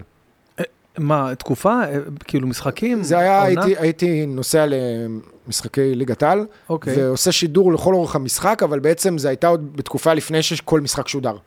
זה היה שאיזה שלושה משחקים, שניים בשבוע, בכלל רואים רק את התקציר שלהם, בתוכנית הסיכום. אוקיי. אמ, ואני הגעתי לבוסים שלי אחרי, ואמרתי להם, תקשיבו, אני לא רואה מספיק טוב. אני יודע, יש לי בעיה, יש לי מספר מאוד גבוה בעיניים, בחושך אני רואה פחות טוב ודברים כאלה, אה, ואני לא רואה מספיק טוב. אני, זאת אומרת, אני יודע מה זה מערך, ואני יודע להעריך שהשחקן הזה נמצא בעמדה הזאת וכולי, אבל אני, אני לא בוטח בעצמי, ואני לא חושב שאני יכול לשדר כדורגל. אני לא רוצה לעשות פה טעויות מביכות של אה, שחקן שמבקיע שער שזה לא הוא. יחד עם זאת, צריך להגיד, כולם עושים טעויות, כן. גם לא, אתה, אתה לא צריך להיות אה, אה, בן אה, 70 פלוס, ואתה לא צריך להיות... אה, זה לגיטימי, זה בני אדם בסך הכל משדרים את זה. תקשיב, אה, כולם עושים גם טעויות. יונית לוי עושה טעויות. ברור. כולם? מלבססים, נכון. היחיד שראיתי שלא עושה טעויות זה מתן חודורוב, שלפעמים הוא כמו רובוט כזה, שזה לאו דווקא חיובי, אתה מבין? זה לאו דווקא כן. טוב, כי אתה צריך קצת לעורר איזושהי אמפתיה בקטע הזה, כן. אנושיות, בדיוק. אה, שוב, הוא גם תותח, יצא לי כן, לעבוד איתו בערוץ כן. 10, הוא באמת עילוי. נכון. אבל מה שאני אומר זה שהספורט הזה שאנחנו רואים אותו, כולם עושים בו טעויות. עכשיו, כשנכנסים בשופטים על הטעויות שלהם, גם שחקנים מחמיצים מול שער ריק ומאבדים כדורים מוזרים, וסבורית עכשיו במשחק העונה עם טעות לא אופיינית, אתה יודע שסדרה בסוף תנצחו למכבי חיפה, אם לא הטעות הזאת. נכון, נכון. אז נכון. כנראה זה נגמר ב-0-0, נכון. אולי אוסקר גולח אפילו עוקץ ומכבי תל אביב מנצחת את המשחק הזה, למרות שלא הגיע לה. אמ, זהו, אני רוצה לחשוב שברגע שאני אעשה יותר מדי טעויות שקשורות ל, ליכולת שלי, אה, ולא קשורות פתאום לאיזה תשומת לב, או ל... איזה פדיחה הייתה לי, לא שזה, כאילו, אף אחד לא שם לב, אבל הייתה לי מהדורת חדשות, אני מגיש חדשות הספורט, כן. והכניסו לי טקסט תוך כדי המהדורה בלייב, בדרך כלל אני עובר על כל הטקסטים לפני. הכניסו לי טקסט, ומי שכתב את הטקסט שכח אות. היי, במילה היי. חדרה. יפה, במילה חדרה. אה, ובמקום להגיד מהאולם בחדרה, אמרתי בחדר. "מה- מהאולם בחדר, מה? מה, מה בחדר? אז סבבה, אז גם אני יוצא סתום לפעמים, וכולנו יוצאים סתומים וכולנו עושים טעויות, אה, הכל בסדר. אני רק אומר ש... אתה יודע מה? אחרי כל החפירה הזאת, תן לי להגיד עוד איזשהו דבר קטן, אין פה מספיק שדרים שהם ברמה של מאיר ויורם ורמי וייץ. אה, אני אוהב מאוד ומעריך את עמיחי שפיגלר, עמיחי נדב כוכב עולה. נדב יעקבי, הקול שלו, תקשיב, אני... אין, הקול שלו זה, מבחינתי זה הליגה הספרדית, עד שוואן באו וזה... יפה, אבל הקול שלו, זה הקול שלו כי, אתה זוכר. כשאני מסתכל על השמות האלה, שזה אנשים שאני גם אוהב וגם מעריך וגם חבר קרוב שלהם, אני חושב שאצלם, בניגוד לשמות האחרים שציינתי, יש את העניין של הקול. ובשבילי, כל הסיפור הזה של להיות שדר, אגב, גם בכדורסל, תראה, יש אצלנו בערוץ הספורט את ניב רסקין, ואת גיל, גיל ברק, נכון, כן. ואת אה, דניאל זילברשטיין ואת עודד אלפרין. כן. אני, מבחינתי, לא בתחרות איתם. לא בתחרות איתם, כי כמו שאמרנו על המשחק, שאני לא מספיק טוב בזה, גם כשדר של play by play, אני לא חושב שאני מספיק טוב. בגלל הקול, רק בגלל הקול. עכשיו, אני משדר המון NBA. NBA זה לא שידור רגיל. אני לא עכשיו אומר, אה, זה לברון עם הכדור, מוסר לצד שמאל, וייד לוקח, מה וייד? וייד כבר פרש. אנטוני דייוויס, לא משנה, אני לא, אני מגיב. ב-NBA אתה מגיב, בספורט אחר, כדורסל, זאת אומרת, בכדורסל, בכדורגל, אתה אמור לשדר הכל עכשיו. נגיד מכבי תל אביב, לורנזו בראון, מקבל חסימה עכשיו זמן. חותך ימינה, רואה את התנועה של... לא, כי ב-NBA יש לנו שדר אמריקאי. שומעים את השדר אה, האמריקאי, זה, זה נכון, התרבות של נכון, סגנון השידור. כן, נכון, נכון. עכשיו, ברגע שאני משדר, אתה צריך, אין מה לעשות, בספורט להתלהב, אני מתלהב, ולפעמים לעלות לגבהים בקול של כאילו, אתה יודע, סתם עכשיו אה, נזרוק אוסקר גלוך שער! זה, כשמאיר איינשטיין היה עושה שער, שרמי וייץ, שאורם ארבל, שהם, אני לא, הקול שלי, משהו לא עובד בו, אוקיי? במקומות האלה הגבוהים. אז ככה אני מסתכל על זה. אה, בוא'נה, איזה פרמטר מעניין, אתה נוגע פה ב... אה, יש פה איזשהו אלמנט שצריך אה, שיהיה לך אותו בארגז כלים כדי להיות אה, שדר. אתה לא כבר יכול... לא. אה, למה כבר כבר לא, לא? כי זה הבעיה, אני, אני קצת קשה עם עצמי ועם ה, עם הסטנדרטים הישנים יותר. היום הכל נפרץ. אה, אתה עושה אוטוטיון? אוטוטיון על לא, לא, הכל? עזוב, גו! היום הכל נפרץ בכל מה שקשור לכללים שהטלוויזיה ידעה והכירה. לדוגמה, עובר מסך, אוקיי? אוקיי. יש דבר כזה שנקרא עובר מסך. נכון. מה זה עובר מסך? זה איך אתה מצטייר מול האנשים בבית, שזה שילוב של חזות, כן. של אה, אינטליגנציה, של שפה, של כל הדברים האלה. היום זה לא רלוונטי. זה לא משנה אם אתה עובר מסך, זה לא משנה איך אתה נראה. העיקר שאתה מביא את המספרים. מה זה אומר מביא את המספרים? רייטינג. מביא... נצח את המתחרה. לא, זהו, אז המספרים היום זה לא ברייטינג. אוקיי. המספרים היום זה במה שקורה ברשתות. אה, ברשתות זה גם סוג אם של רייטינג, אתה נכון? עושה פרובוקציה, נכון. אם אתה נמצא עכשיו על המסך, ואתה אומר משהו שהוא הכי תלוש מהמציאות, אבל עצבנת כל כך הרבה אנשים אחרים, שהם מצייצים על זה, והם כותבים על זה, והם נכנסים לכתבה באתר ערוץ הספורט, רק הם רוצים להיכנס בך ולרדת עליך, ולהגיב שם בטוקבקים, אז זה מה שחשוב היום. זה מה שמשנה היום, זה בכל התקשורת, לא רק בספורט. אה, אין כבר אתיקה, אין כבר מוסר, אין כבר כללים, וזה העולם שאנחנו נמצאים בו, וצריך להתאים את עצמך אליו. זה קצת עצוב מצד אחד, מצד שני, אתה יודע, it is what it is, אתה לא יכול להילחם בהם. אתה יודע מה אתה מזכיר לי? ומגמות. אה, לפני, לפני איזה שבע או שמונה שנים, משהו באזור הזה, הייתה למה קשור תוכנית ברדיו 103 FM, אוקיי? ויום אחד בשבוע הם היו אה, מארחים אותי בתוכנית, נראה לי יום חמישי, לפינה של סטנדאפ, איזה עשר דקות, חמש, עשר דקות. עולה כזה, מספר כאילו מה היה איתי השבוע, כאילו מה היה איתי השבוע, סטנדאפ כזה. אה, ואז החתיכה הזאת, כמו שכל הרצועה ב- ב- של התוכנית ב-103 עולה ל... לאתר שלהם, ל- לאונליין, אתה- מבין את כן. את הפורמט וזה. אמ, ואז היה כזה מספר השמעות לכל תוכנית. עכשיו, הפייסבוק היה בחיתולים, אז, שמונה שנים אחורה. הפייסבוק, לא האינסטגרם לדעתי. פייסבוק היה בחיתולים, ואני, הפייסבוק שלי היה מאוד מאוד חזק. למה? כי היה איזה סרטון שפרסמתי, והוא תפס, עכשיו, כשאני מדבר איתך חזק, זה אומר שהיה לי סתם 20 אלף עוקבים בפייסבוק. זה כאילו מספרים מפגרים היום, כן? אממה, אני, כל פעם שהיו אה, מוציאים את החתיכה של הרדיו, את, את ה... כאילו, הייתה נגמרת התוכנית, אז הייתי כאילו גוזר את הקטע שלי, מעלה אותו אצלי ב, בפייסבוק שהיה, רק את החתיכה של הזה, ועושה לינק להמשך לשמוע, ואז מה, מהאלה של ה-103 FM, היו אומרים לסוכן שלי, לגיל, אומרים, אומרים, תקשיב, בואנה, כל תוכנית שאתה עולה, תוכנית שאתה לא נמצא, יש בה, בסוש, כאילו, ב, באינטרנט שבה, של התוכנית, יש סתם אלף השמעות, תוכנית שאתה נמצא, יש ששת אלפים השמעות, פי שזה לא יאומן. הם רוצים, זה, הם רוצים שתבוא יותר, שתבוא כל תוכנית. הם לא היו יודעים שאני הייתי מעלה את הפינה הזאת, ואז שם את הלינק של האתר שלהם, אתה מבין? וזה היה כאילו uh, קטע ש, שכבר אז, תראה מה זה הסושיאל מדיה שהתחיל, הפייסבוק, לא היה לו אינסטגרם, לא טיק טוק, לא את כל מה שיש היום. כבר אז זה, אה, זה נתן לך איזשהו מושג. קודם כל, לאן העולם הולך? אני מצטער שלא הבנתי את זה בשלב מוקדם יותר. מה, נו, ברור, מה. והיה לי איזה חבר שאמר לי כבר באיזה 2013, עזוב את הפייסבוק, זה לא כלי בשבילך להכיר בחורות, תצא מזה. זה היה, נגמר, עבר, מת. מעכשיו זה כלי עסקי. תצייץ, לא תצייץ, כן. תעלה פוסטים על כדורסל, תכתוב על כדורסל, אתה איש כדורסל, אתה מגיש ערוץ הספורט, תצבור קהילת, אמרתי לו, עזוב אותי, למי יש כוח עכשיו, תגיד לי, מה אתה רוצה ממני? אשכרה. אה? לקח לי זמן, מה זה זמן? בטוויטר עוד עשיתי את זה קצת יותר, אבל גם בלי איזושהי מחויבות, ובאינסטגרם רק לפני לפני שנתיים, שנתיים וחודשיים, אתה יכול להסביר לי... הרמתי את הפעילות. אתה יכול להסביר לי, אה, באמת, אה, אה, כאדיוט, אני לא מצליח להבין מה קורה שם בטוויטר. מה קורה בטוויטר? אין מקום יותר מצחיק ויותר רע מהטוויטר. יותר מצחיק ויותר רע מהטוויטר. כן. הטוויטר, תשמע, בגדול, זאת הרשת החברתית הכי מעניינת. עם כל הכבוד למה שקורה. אגב, היא הכי גדולה בעולם, עדיין. מה, מה פתאום? היא הכי גדולה בעולם. טוויטר? לא, לא בעצם לא, אה, מה פתאום? אינסטגרם. פייסבוק ואינסטגרם, לא רואות אותה. לא, לא, אני מתכוון מבחינת הכמות מנויים, כאילו הטוויטר הייתה הראשונה לחשוב... שהייתה כאילו המסה המרכזית של, ה, של הכמות אה, משתמשים, ואז כמובן אינסטגרם אה, גדלה, פייסבוק נהייתה מפלצת, והיום אני מניח ש... יש לך גם את הטיקטוק, שחקן אה, מוביל. לא, הטיקטוק, עזוב, זה סיפור אחר לגמרי, שעקף לדעתי, את הטוויטר בטוח, הטוויטר הוא הרבה יותר קטן והרבה יותר ברנג'אי, זאת אומרת, הוא גדול, הוא ענק, כן? אבל כן. ביחס לרשתות האלה האחרות... פשוט שם בארצות הברית זה, זה הקובע, זה המוביל דעת קהל, הטוויטר. יפה, אז זה לא רק שם, אני חושב שגם בצורה מסוימת... בכל מדינה, בטח במדינות מערביות זאת אומרת, וגם כאן, כי זה, זה כלי ברנג'אי. זאת אומרת, כל העיתונאים אה, בתקשורת הישראלית, וכל מיני אנשים שהם אנשי מדע וחברה ואקדמיה, הם נמצאים בטוויטר, הם לא נמצאים באינסטגרם, אוקיי? הם לא מעלים את הדיווחים שלהם באינסטגרם, הם לא מעלים את הדעה שלהם באינסטגרם. הטוויטר, אה, אני מדבר מהחוויה האישית שלי, אבל אני חושב אוקיי. שזה זה, עם רוב האנשים ככה.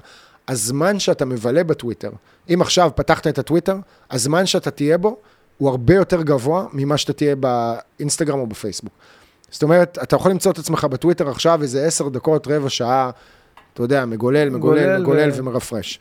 אמ, קודם כל, אין את האלמנט של התמונות, זאת אומרת, יש שם גם תמונות ויש שם גם וידאוים, אבל זה לא, זה לא הקטע, כן? להראות את עצמך שמח ו... אה, מאושר ובנות בביקיני כן. ועם פוטושופים וכל מיני ריטושים כן. של תמונות ודברים כאלה. הטוויטר בוחן אותך לפי השנינות שלך, לפי החדות שלך, לפי האינטליגנציה שלך בצורה מסוימת. עזוב את זה שהוא נהיה כבר דבר אחר לגמרי, אני לאחרונה מרגיש שם שאני בתיכון בטוויטר, שיש כאילו, כי הייתה אה, הגירה מאוד גדולה של, זה נקרא פיד בנות, בטוויטר כל נושא יש לו, הוא, הוא נקרא פיד. כן. אוקיי? אז אם כן. עכשיו יש אה, זה, מכבי חיפה, מכבי תל אביב, אז זה פיד משחק עונה.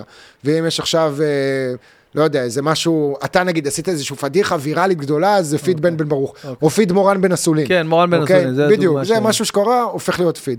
אה, אז לא זוכר, אבל מה הוביל אותי, איזה פיד הוביל אותי לסיפור הזה. לא, התחלת להגיד ש... פיד בנות עם כן, פנים. בדיוק. מה זה פיד בנות עם פנים? בטוויטר, בגלל שאין תמונות וכאלה, אז הרבה מאוד אה, חשבונות של נשים, זה חשבונות כאילו פייקים כזה, בלי תמונות, בלי זה, אבל הן מצצות כנשים. יש גם אה, מושג שנקרא צייצניות מין, אוקיי? שהן מצצות רק על דברים שהם באמת כאילו קשורים לסקס כזה או אחר, כולל דברים קיצוניים, כולל... כן.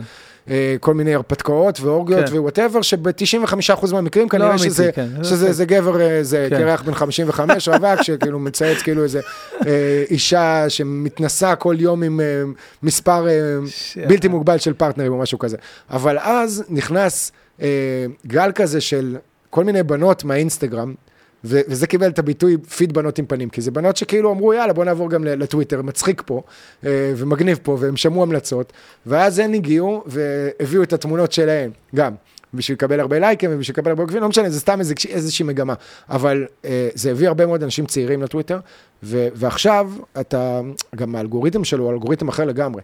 באינסטגרם נדיר מאוד שאתה תראה תוכן של בן אדם שאתה לא עוקב אחריו. וגם הזמן שאתה תהיה, הריטנשן שלך הוא יחסית אה, קצר. ב- בטוויטר, עכשיו נגיד אני עוקב אחריך, ואתה עשית לייק למישהו. זה יקפוץ לי, אני אראה את הציוץ שלו. בגלל שזה מבוסס על הלייקים, מעבר לזה שאתה יכול גם לצייץ מחדש. אז אתה נחשף להרבה יותר אנשים שאתה לא מכיר. אז יש בזה גם סקרנות, גם עניין, כן. ויש המון המון בדיחות, והמון אנשים גם פותחים שם את החיים האישיים שלהם. אה, איכשהו מרגישים שם יותר בנוח, זה קטע. למרות שזה המקום הכי שיפוטי בעולם, מצד שני גם הכי תומך ומחבק. אני ניסיתי איזה שלוש פעמים, ב- ב- אה, ש- אה, אתה יודע, שלוש פעמים שונות, להיכנס, להתחיל, לרוץ על הדבר הזה, ל- לא, לא עבד לי, לא זרם לי, לא... צריך לדעת על מי, כן. על אח- אחרי, אחרי מי לעקוב. אוקיי. זה, אני יכול להגיד לך שהטוויטר, טוויטר ישראל, אני עכשיו אזרוק, יש בין, אני מניח שזה מכליל בזה גם אה, ספורטאים וגם עיתונאים וגם כאלה, אבל אני מוסיף כל מיני אנשים, אתה יודע, אנשים מן השורה, לא מפורסמים בשום צורה, אבל כאלה שמצייצים הרבה. נוצרת קהילה בטוויטר, שיש לך בין 500 ל-700 אנשים, שהרוב מכירים אותם בטוויטר. כן? גם אם זה לא עכשיו עיתונאי, גם אם זה לא מישהו מפורסם, אבל זה צייצן. צייצן זה, מוכר. זה צייצן מוכר, זה צייצן שיש לו 20 אלף עוקבים, שמצייץ הרבה על כל 20 אלף דבר. עוקבים זה נחשב הרבה בטוויטר? זה סבבה, אתה יודע, סבבה, כאילו, כן. יש עמית סגל וכאלה, הוא, כן. אני חושב, השיאן בטוויטר ישראל עם איזה 600 אלף. אה, וואו. כן, זה- זה אבל, מלא. אבל עדיין, המספרים של הלייקים, וה... יש גם הרבה פייקים בטוויטר, הרבה בוטים כאילו שעוקבים אחריך. אה, אפשר גם לבדוק את זה וזה, אבל לא משנה, זה, זה מקום שצריך לדעת אחרי מי לעקוב, ואז להתחיל להבין את האנשים ואת השנינויות שלהם, ו, ואתה גם לומד שם הרבה. אני, עזוב שנייה את טוויטר ישראל, אני חולה מוזיקה שחורה והיפ-הופ. ו, וזה, ה- זה לא הכלי הזה... ניכר עליך, אתה יודע, זה לא- זה לא משהו שישר קופץ שרואים אותך פה ב... לא? לא, לא? באמת? אה, כן, נראה אשכנזי כזה מדי, אה? לגמרי. לא, היפ-הופ זה, זה חיי, מאז שאני זוכר את עצמי. אה, ו, וזה ממש עוזר לי לשמוע שירים. האמת שגם אתה עכשיו, בתחום שלך, כאילו, אם היית עוקב אחרי כמה אנשים ספציפיים, זה היה מביא לך, זה היה פותח לך עולם חדש לגמרי, שאתה אולי לא מכיר ולא נחשף אליו בכל מה שקשור לסטנדאפיסטים, סטנדאפיסטיות וכל מיני דברים מהסוג הזה. אז בטוויטר אני מתעדכן על כל מוזיקה חדשה שיוצאת, ויש דיונים על השירים, וכמובן גם על ספורט ועל דברים של היום-יום, וכל הזמן יש סערות בטוויטר, איזה מישהו כתב משהו מטומטם, סתם. איזה מישהי כתבה, צייצה, על זה ש... אה, מה זה היה? אה, שאם היא משלמת אה, מחיר של כרטיס טיסה ביזנס, שזה ביזיון, ש... קיצר, היא דיברה על חוויה של טיסה, שהייתה לידה איזו ילדה קטנה שצרכה לכל אורך הטיסה. וואו. ואז היא כתבה את זה בצורה מאשימה ומתריסה, והרבה מאוד אנשים, אתה יודע, הורים של ילדים, התעצבנו, כן. וענו, ונהייתה סערה כזאת. עכשיו, זה ציוץ שנחשף למאות אלפי אנשים, וכולם מגיבים עליו, וכולם מצייצים עליו דברים באופן נפרד. אתה מבין? אז פתאום זה, זה הסערה האיומית של הטוויטר. אותה בחורה שפתאום חוטפת מלא גידופים על הדעה שלה. על הדעה שלה, על, על, אה, על ש... על טיסה כן, בביזנס וילדים קטנים שנמצאים לידך והורסים לך את הטיסה. שאם כבר שילמת מחיר כזה, נכון. אז, אז, אז זה הטמטום של הטוויטר, שמצד אחד זה בזבוז זמן על כלום ושום דבר. מצד שני, אתה יודע, רכילות, שטויות, עניינים, כאילו זה מעביר את הזמן. כמו פרק של סיינפלד, בוא. כן, כן, האמת שיש שיש- יש שם דמיון. אה, אז זהו, זה לגבי כל העניין הזה של, של הטוויטר והרשתות, אני בכלל לא זוכר איך התגלגלנו אליו. התגלגלנו לזה מזה שדיברנו על זה שהיום אתה לא צריך אה, להיות עובר מסך כ- נכון. כדי לעבור, כי יש לך... אה, טוב אתה. חד אתה, למרות כל ה... למרות מה, לא עשינו כלום, בוא נעשה עוד אחד, מה זה? לא. האמת שאני חד יותר שאני שותה. את- כן, כן, האמת כן, שאתה. נראה לי מאוד חריף ככה באופן כללי, זה לא... תגיד לי, אה, תודה כפרה, אמרת אני. ככה- אני אוהב אותך. אמר- אה, אמרת לי ככה בהתחלה, זרקת לי ככה בהתחלה, שדיברנו על ה... צ'ירס. לחיים אח שלי. שדיברנו פה על המתוקים ועל הלאכול ועל הזה, אמרת לי, אני, אני עדיין, יש לי אה, בראש תפיסה של ילד שמן. זאת אומרת, יש לי בעיה פסיכולוגית, אמרת לי, כאילו, עם מבחינת הדיאטות. אני גם כל הזמן מקפיד, מנסה לשמור, נגיד היום רצתי עד ראשון וחזרתי ושחיתי בים, כי הרגשתי שבימים האחרונים, אתה יודע, חגים ופה ושם. ברור, החגים גומרים. וואו, וואו, איך אתם במשפחה, חגים וזה, ארוחות וזה, גם יש לכם את ה... כן, בטח, אנחנו משפחה אשכנזית, כאילו, אתה יודע.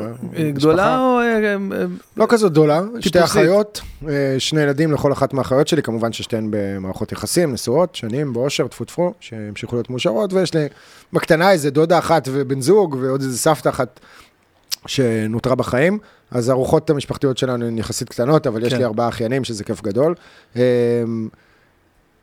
אה, תראה, צייצתי על זה גם, אפרופו, זה לפעמים אני מצייץ שטויות כאלה של רווקות. אה, החגים זו התקופה היחידה שקשה לי בתור רווק. זאת אומרת שאתה מרגיש את הבדידות. וואלה. כי יש יותר מדי ימים כאלה של שבתות, של פעילויות משפחתיות, ואתה, אתה, כאילו בגיל הזה לפחות, שם זה, זה, זה קופץ לך לבד. הילדים שאין לך עדיין, ו- וכל הזמן משפחה ומשפחה ומשפחה, ואתה נוסע כל הזמן לבד למשפחה, ואז חוזר, חוזר לבד. כאילו חוזר לבד ואתה בבית, אז זו תקופה שהיא קצת פחות כיפית מהבחינה הזאת, אבל אה, בסדר, עוברים אותה. אתה יודע שאנחנו מסתכלים עליכם בדיוק ההפך. כן. כל ה... אני חושב לעצמי גם, אני אומר לעצמי, רגע, אם הייתי בזוגיות בחגים, אז הייתי אומר, רבאק, אני עכשיו צריך להיות עם הבת זוג שלי כל הזמן, כל הזמן, כל הזמן. אין לי שנייה לנשום. אחרי, במוצאי ראש השנה, אה, שירן שומעת את הפר... אשתי, שירן שומעת פרק כן, פרק לא, היא לא שומעת כל הפודקאסטים, אז אולי אם הפרק הזה ייפול שהיא תשמע, אז אני... אז הנה, שירן, תקשיבי, איך ש... תשמעי את מה שעידו אומר פה.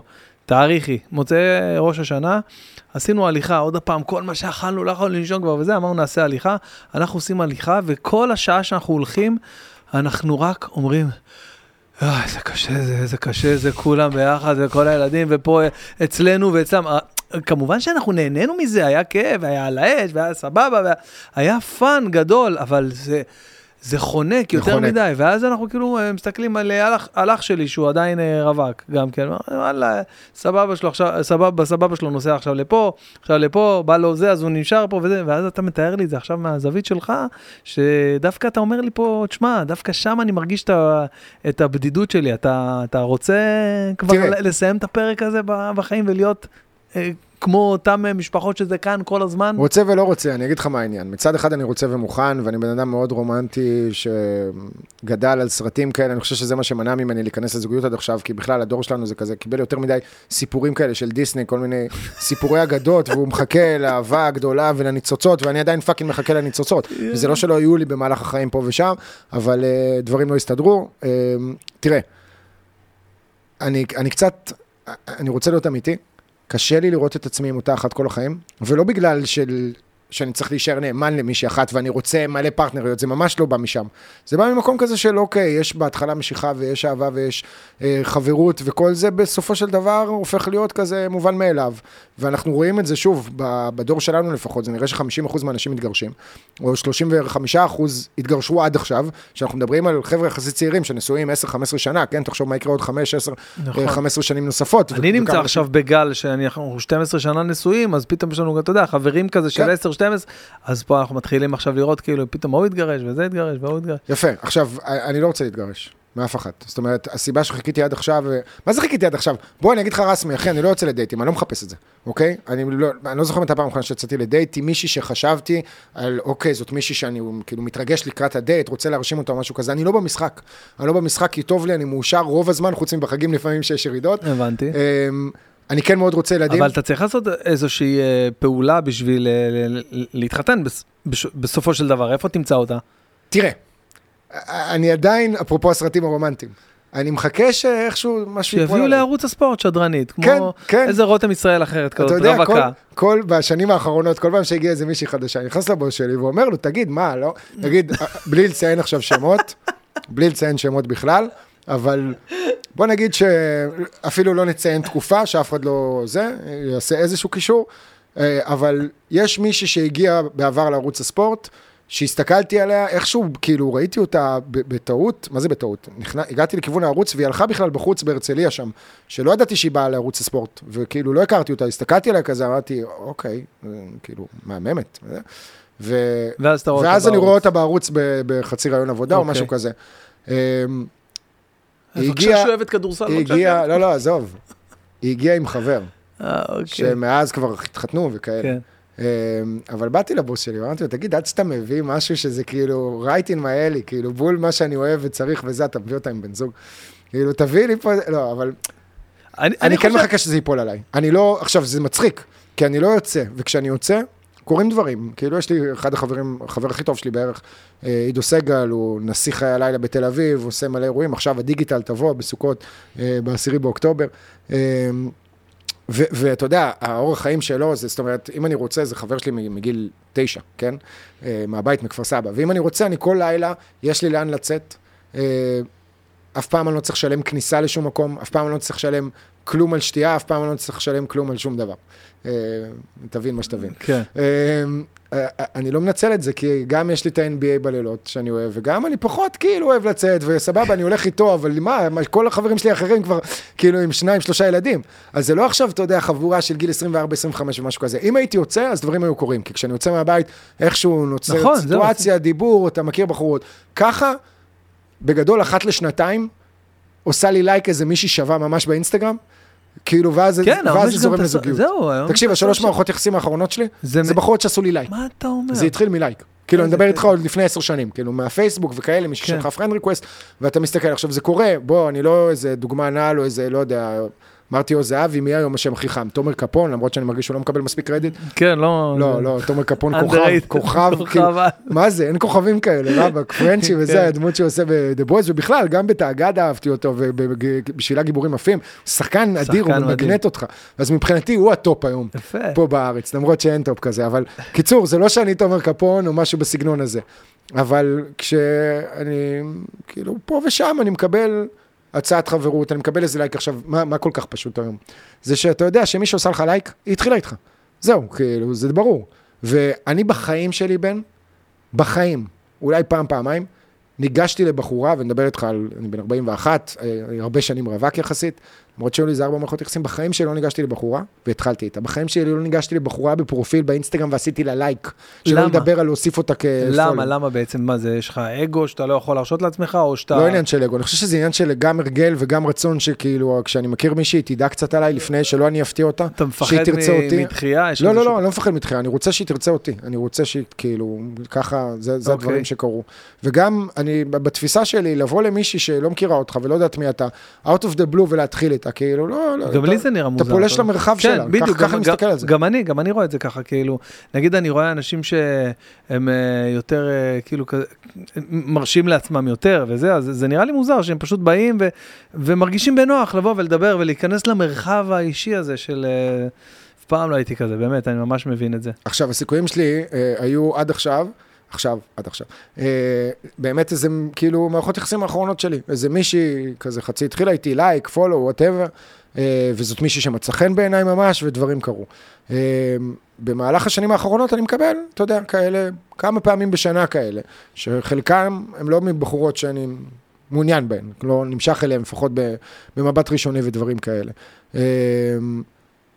אבל בשנים האחרונות, בשנתיים האחרונות, בגלל שהעברתי את כל הפוקוס שלי באינסטגרם, נטו לכדורסל, אני כמעט ולא מעלה שם דברים אישיים, פרטיים, תמונות שלי כבר אתה לא מוצא, רק כאילו סרטונים ודעות ודברים מהסוג הזה.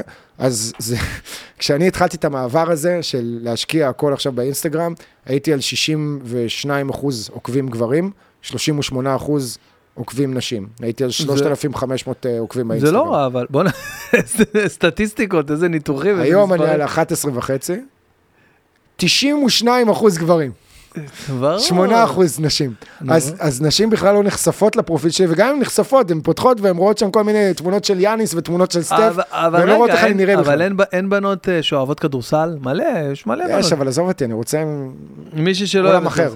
עולם אחר. שתביא את העולם שלה, אני אביא את העולם שלי, ניפגש באמצע, אני אלמד אותה על הכדורסל, היא תלמד אותי על הדברים שלה, אה, שתהיה איזה סימביוזה כזאת. כאילו, לא משנה שזה יכול להיות גם, אני לא פוסל אף אחת על, על רקע ההבנה שלה והכל, אבל יש בזה איזשהו משהו כזה של, ש, שאני רוצה לראות משחק, מה זה רוצה? אני, זה גם היתרון בעבודה שלי. אתה, נגיד, אומר לשירן, כן. אתה אומר לשירן, אה, ממי, יש משחק שאני חייב לראות, היא אומרת לך, "אה, חייב, יש פה ארבעה ילדים שאתה חייב לטפל בהם, סבבה?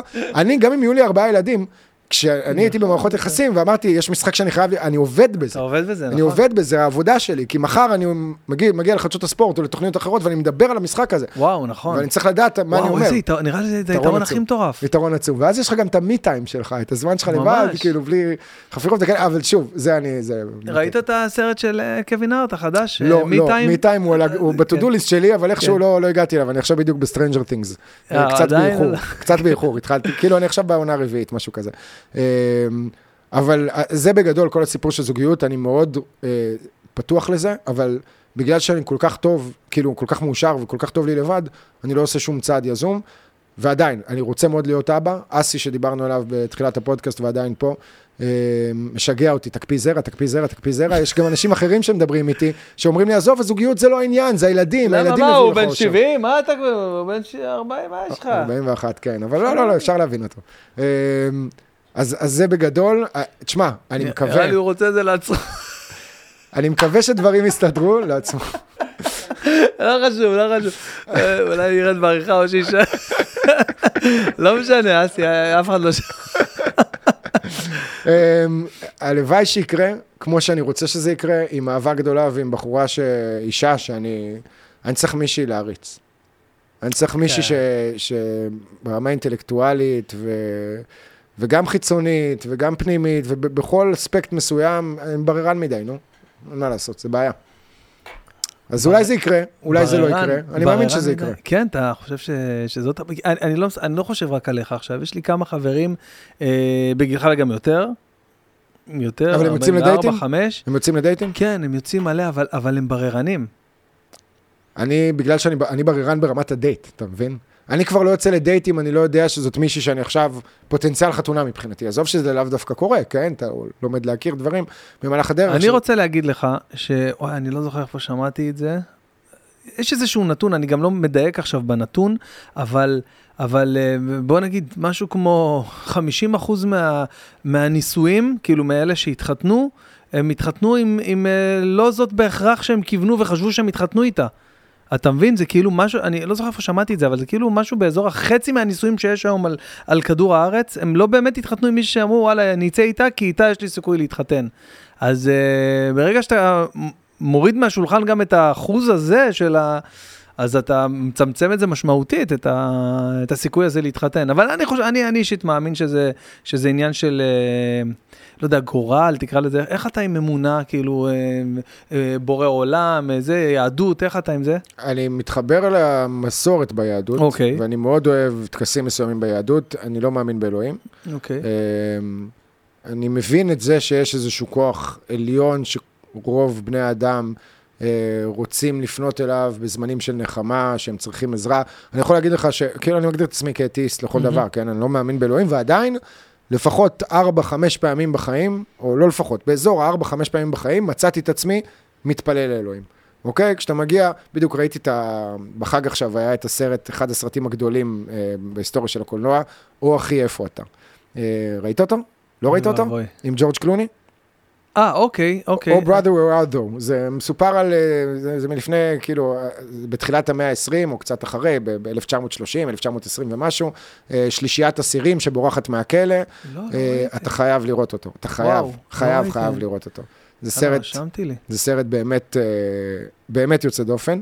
והנה, שוב, אה, יש, יש את הקיטויים האלה במוח עכשיו, שאני לא זוכר בכלל איך הגעתי לסרט הזה. לא, אתה אומר כאילו ברמת האמונה, שמצאת את עצמך אה, מתפלל. יפה, ברמת האמונה. טוב, קח זה אותי איתך. לכל מקום שאתה רואה שאתה נתקע, אני אזכיר לך איפה היית. לא, אתה חד ממש. אמ, אז ברמת האמונה, אז היה שם איזשהו קטע בסוף, שהם הולכים למות, אה, וג'ורג' קלוני יורד על הברכיים, ומתפלל לאלוהים, תפילה הכי כנה והכי זה, ואז אחרי זה, כאילו, משהו קורה, הוא מתפלל, ואז כאילו קורה איזשהו אה, אירוע, אירוע טבע כזה, זה משהו ש, שמציל אותם. הם הולכים להרוג אותם ולקבור אותם, ויש פתאום הצפה של מים, איזה מבול כזה ששוטף את כולם, ואחרי שהם כאילו יוצאים ממנו בחיים, אז אז אחד מהשלישייה שם שהיו, אומר לג'ורג' קלוני על זה שהנה התפללת, שכאילו זה, זה בזכות אלוהים, אז הוא אומר לו, איזה אלוהים, מה אלוהים?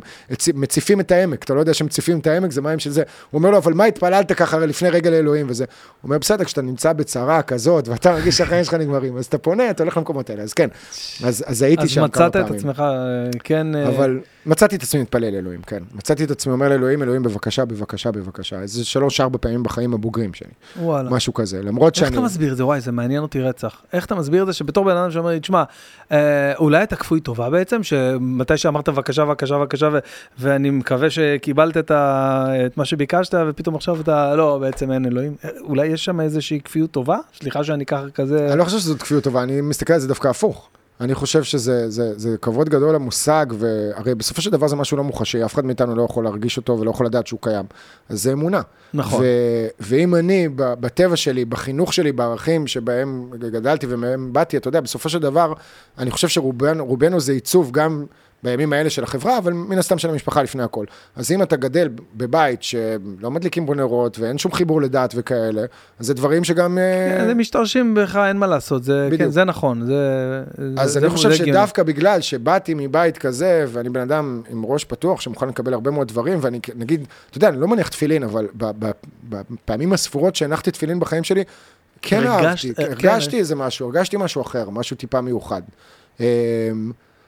אז אני מכבד את זה, ואני מקבל את זה, ואני חושב שאם אני מוצא את עצמי לפעמים בנקודות קיצון מתפלל לאלוהים, זה לא שאני כפוי טובה, שאני בא אליו רק כשאני צריך עזרה, או משהו כזה, זה שאני במצב מסוים שאני פונה אליו, שכאילו, אני מבקש ממנו עזרה, זה אומר ש, שאני כן מעריך שיש שם איזשהו משהו שיכול לשפר את זה אצלי, ואתה יודע מה, גם אם אין אלוהים, המונח עצמו, הרי בסופו של דבר, הדברים שהתפללתי לאלוהים, בסופו של דבר, דברים יסתדרו, אוקיי? זאת אומרת, אוקיי. לא התפללתי אבל לאלוהים, שאלוהים, אני מתפלל שתעשה אותי עכשיו הבן אדם הכי עשיר בעולם, תפיל על עשרה מיליון דולר. לא, זה לא, אתה לא, לא הולך לשם. כן.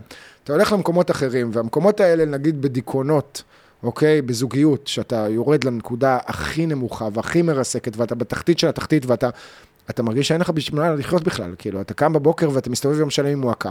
אז שם אתה, אתה מוצא את עצמך, מתפלל לאלוהים שבבקשה תשחרר אותי, תיתן לי לשחרר, תיתן לי לחזור לחיות חיים רגילים. ו... עכשיו, זה לא שאלוהים שומע את התפילה שלך והנה, קיבלת, השתחררת. לא, זה, גם בלי שאתה מתפלל לאלוהים, יש עניין של תהליך, של זמן, של התאוששות. אבל, אבל אולי אם יש, אם יש איזושהי כמיהה מסוימת, שהיא גדולה וחזקה ממך, אפילו ממך, ש, שבעצם אתה אומר, הנה, אני, התפיסה, התפיסה השכלית שלי היא להבין ש, שאין אלוהים, זה, זה ככה אני חי את חיי. אבל ברגע של משבר, אתה מרגיש שאתה פונה למקום הזה, אפילו בצורה אינסטינקטיבית, כאילו בצורה, אתה יודע, הכי אה, אינטואיטיבית ש, שגורמת לך לבוא ולהרים את העיניים ולהגיד, להרים את העיניים למעלה ולהגיד, בבקשה, אלוהים, תעזור לי עם הדבר הזה. אז אולי יש פה משהו שאפילו אתה, אפילו המודע שלך, אה, סליחה, אפילו התת מודע שלך מבין שאתה לא מבין? תראה, אני לא מתיימר להגיד שאני מבין את הכל. אה, אני, אני פשוט... חשבת על זה פעם? אולי כאילו באמת, אולי יש, יש, יש מצב שאתה טועה, כאילו, ו, ו, וזה כן אמיתי, כאילו בתור... אני מסתכל עליך ספציפית, לא עכשיו על כל העולם שסוברים שוב, ש... שוב, אתה יודע, מה, מה, מה זה, אנחנו נפתח פה שיחה כן, פילוסופית שלא תיגמר. כן, זה פילוסופיה לגמרי, כי, אבל... כי, כי איפה, אתה יודע, יש את המשפט, אם יש אלוהים, איפה הוא היה בשואה? אתה מבין? כן, ברור. או, או בכל, בכל מקום אחר כן, שבו כן. היה רצח עם, כן. ואנשים כן. טובים מתים, ואנשים טובים חולים, ואנשים רעים. נכון. זה לא, האלוהים זה להאמין במשהו יותר גדול מאיתנו. נכון. עכשיו, בדבר הזה, אני, איכשהו אני מתחבר לזה. זאת אומרת, אני לא בן אדם שנוטה להתעמק ולהתעסק במהות של החיים ולמה אנחנו כאן, כן זה קופץ לי לפעמים. כן קופץ לי לפעמים, כאילו אוקיי בסדר, אנחנו חיים חיים שלמים עכשיו, ומביאים אה, ילדים ומשפחות ומשיגים דברים באופן אישי, אבל אז אנחנו מתים, ואז באים אחרים, ואז, וכאילו איזו סירקולציה כזאת, שמה מה, מה המשמעות שלנו? ו- וכאן אני אגיד לך את זה עכשיו שזה מצחיק, שאני בגיל 41 רווק וטוב לי ולא ממהר עדיין להביא ילדים לחיים, אבל אני הבנתי ביני לבין עצמי בשאלות הקיומיות האלה, מה המשמעות שלנו. יש לנו משמעות אחת, והמשמעות הזאת זה המשכיות. המשכיות. זהו, זה הדבר היחיד שהוא רלוונטי, שהוא משמעותי. למה? המשכיות. מה, בשביל מה, שהק... המשכיות שמה? של למה? אז מה?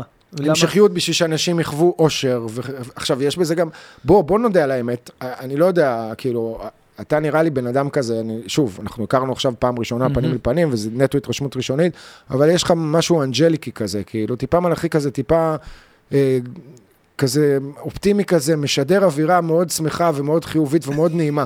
אני מקווה, אתה יודע, אומרים על, אה, על קומיקאים, סטנדאפיסטים בעיקר, ש, שזה אנשים אה, בדיכאון, עצובים. כן. עצבים עצובים שומע- מאוד. אני שומע את זה הרבה, אני...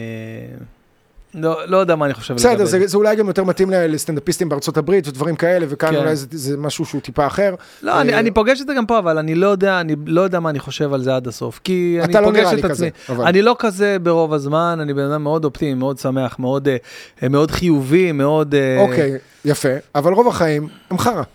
כן, החיים... רוב הח... בוא נגיד שברוב הזמן, זאת אומרת, זה, ברוב הזמן אתה באמצע.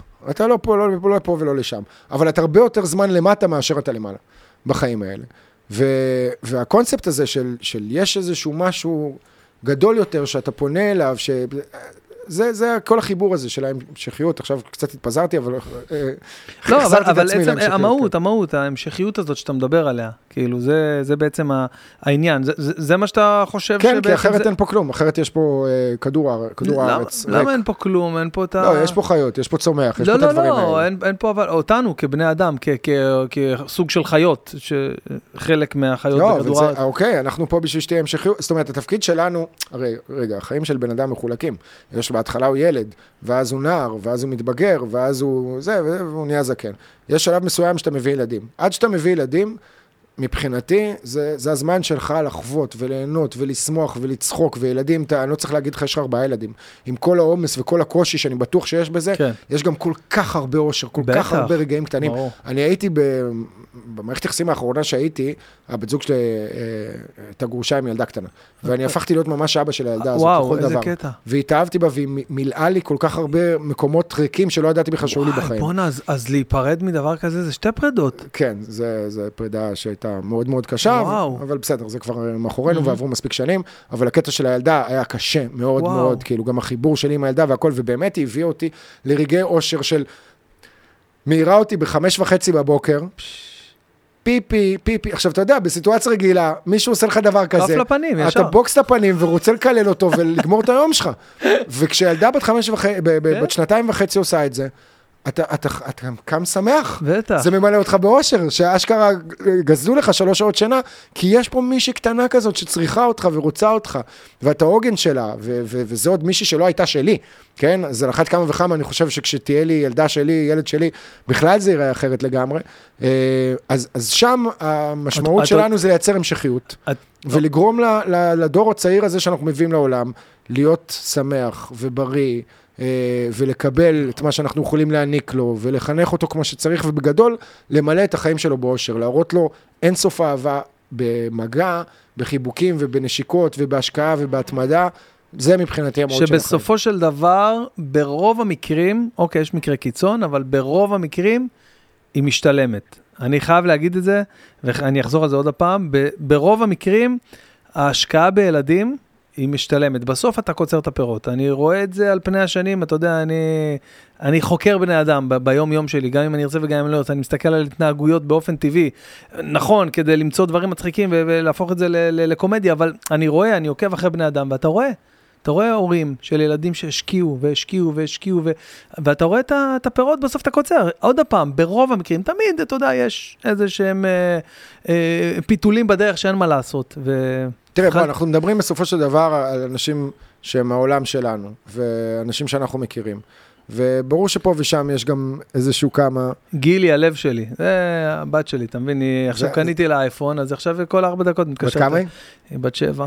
בת שבע? כן, חמודה. וואי, זה גיל שהיא מתחילה להיות בוסית ממש. חבל על הזמן. ולדרוש. דברים. הנה, אני למשל, הפסגת, פסגת ההצלחות שלי ביום, זה להספיק אה, לקחת את הלל, הבן שלי בן ארבע, לשירותים ככה ב-12-1 בלילה, לפני שהוא עשה את הפיפי במיטה. זה השיא שלי ביום.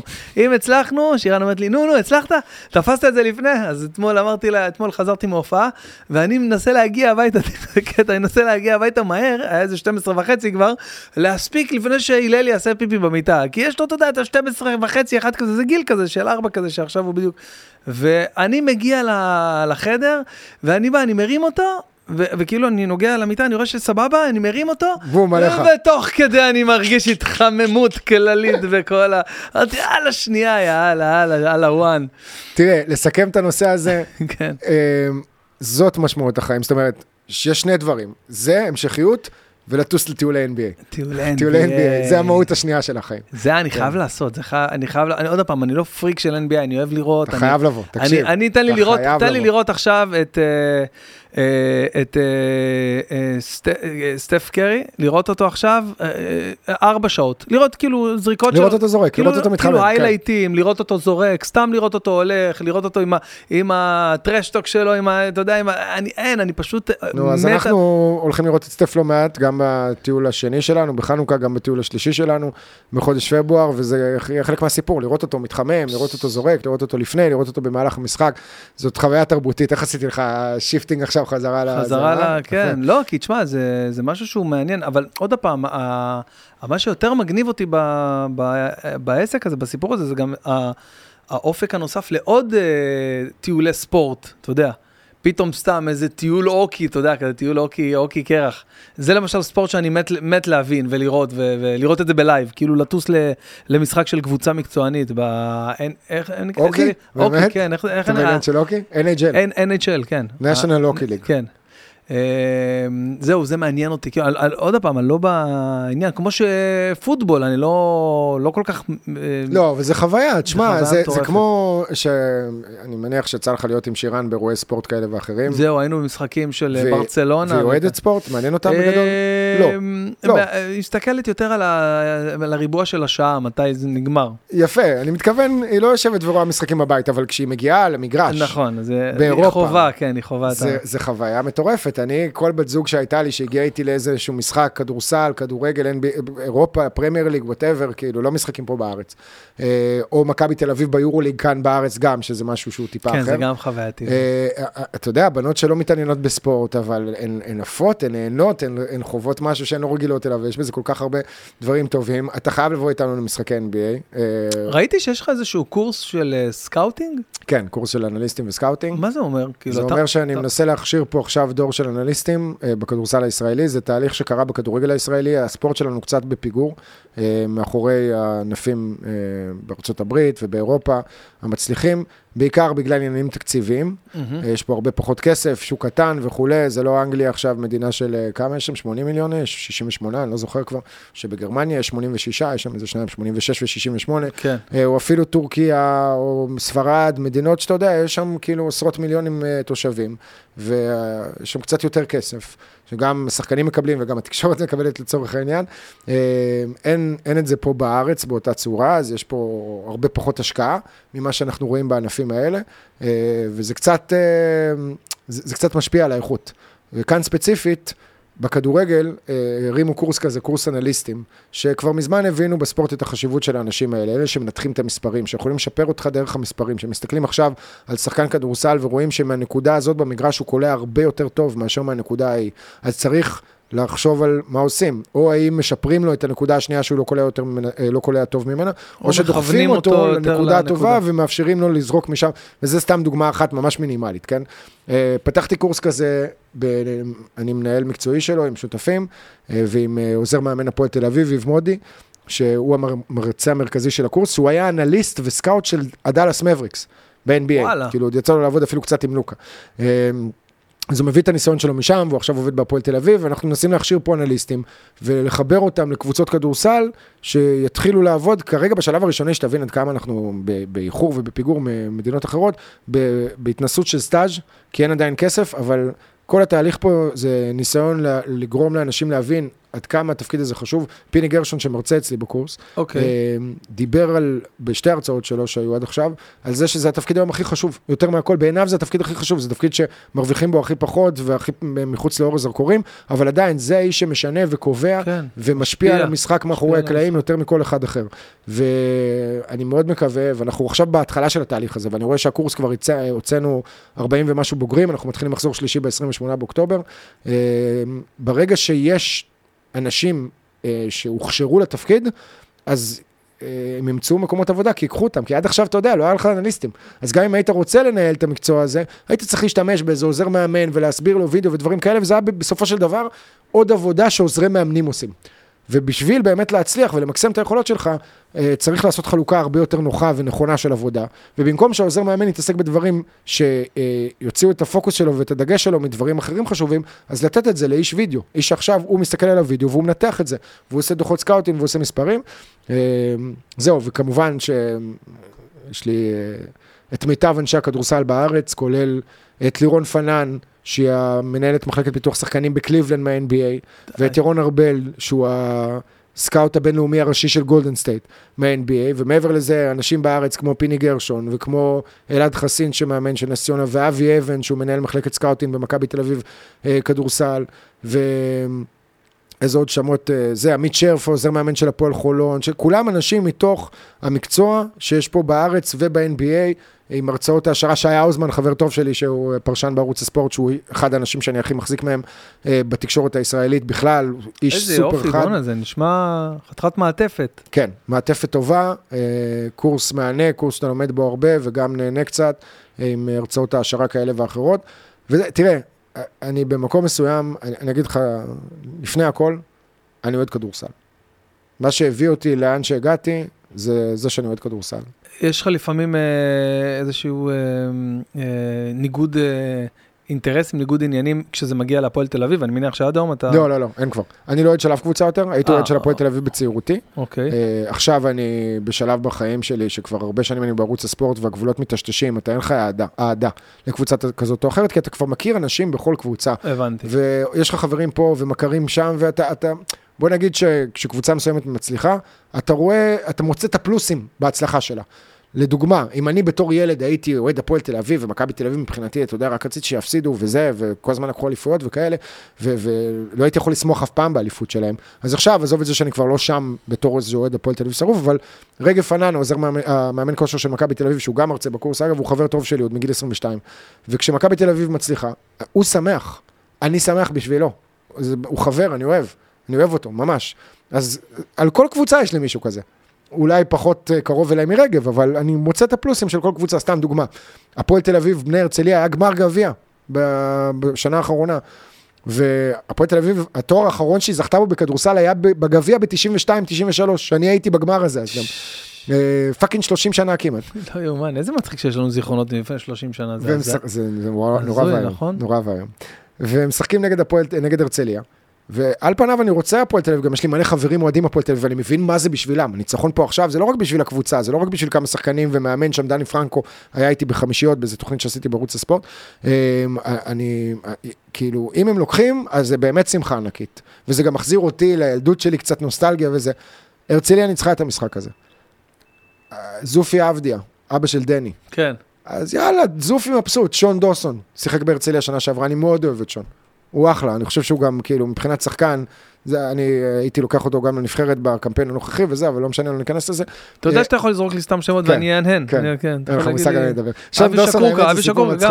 שון דוסון זה סיפור מצחיק, כי אבא שלו זה שחקן שגדלתי עליו, קוראים לו ג'ו דוסון, הוא שיחק פה בארץ, דאוסן, עיוותו לו קצת את השם, והכיר פה ישראלית, אה, והביאו ביחד את שון, איריס, אני גם מכיר את אימא של שון. ונשארו לגור פה והם גרים פה. שון גדל פה, הוא ישראלי, פה, הוא נולד. כאן, הוא שחום עור, כי אבא שלו כן. זר אמריקאי וזה, אמא שלו תימניה, אם אני לא טועה, לא משנה, הוא, אתה יודע, הוא שחור, נראה כמו שחקן זר בגדול, אבל הוא פה, הוא בארץ, כן. היה שחקן נבחרות אה, צעירות יותר, וכזה, זה מישהו שמכירים, והוא לקח אליפות עם מכבי ראשון לציון ב-2016. אה, ואחרי זה היה לו איזשהו מפגש עם מירי רגב. אוקיי? זה משהו מפורסם שהיה ויראלי כזה. ואז הם מדברים במפגש, אתה יודע, עם מצלמות ותקשורת וזה, והוא מדבר ואומר לה משהו, ואז היא אומרת לו, וואי, איזה יופי, אני רואה שלמדת עברית ממש יפה.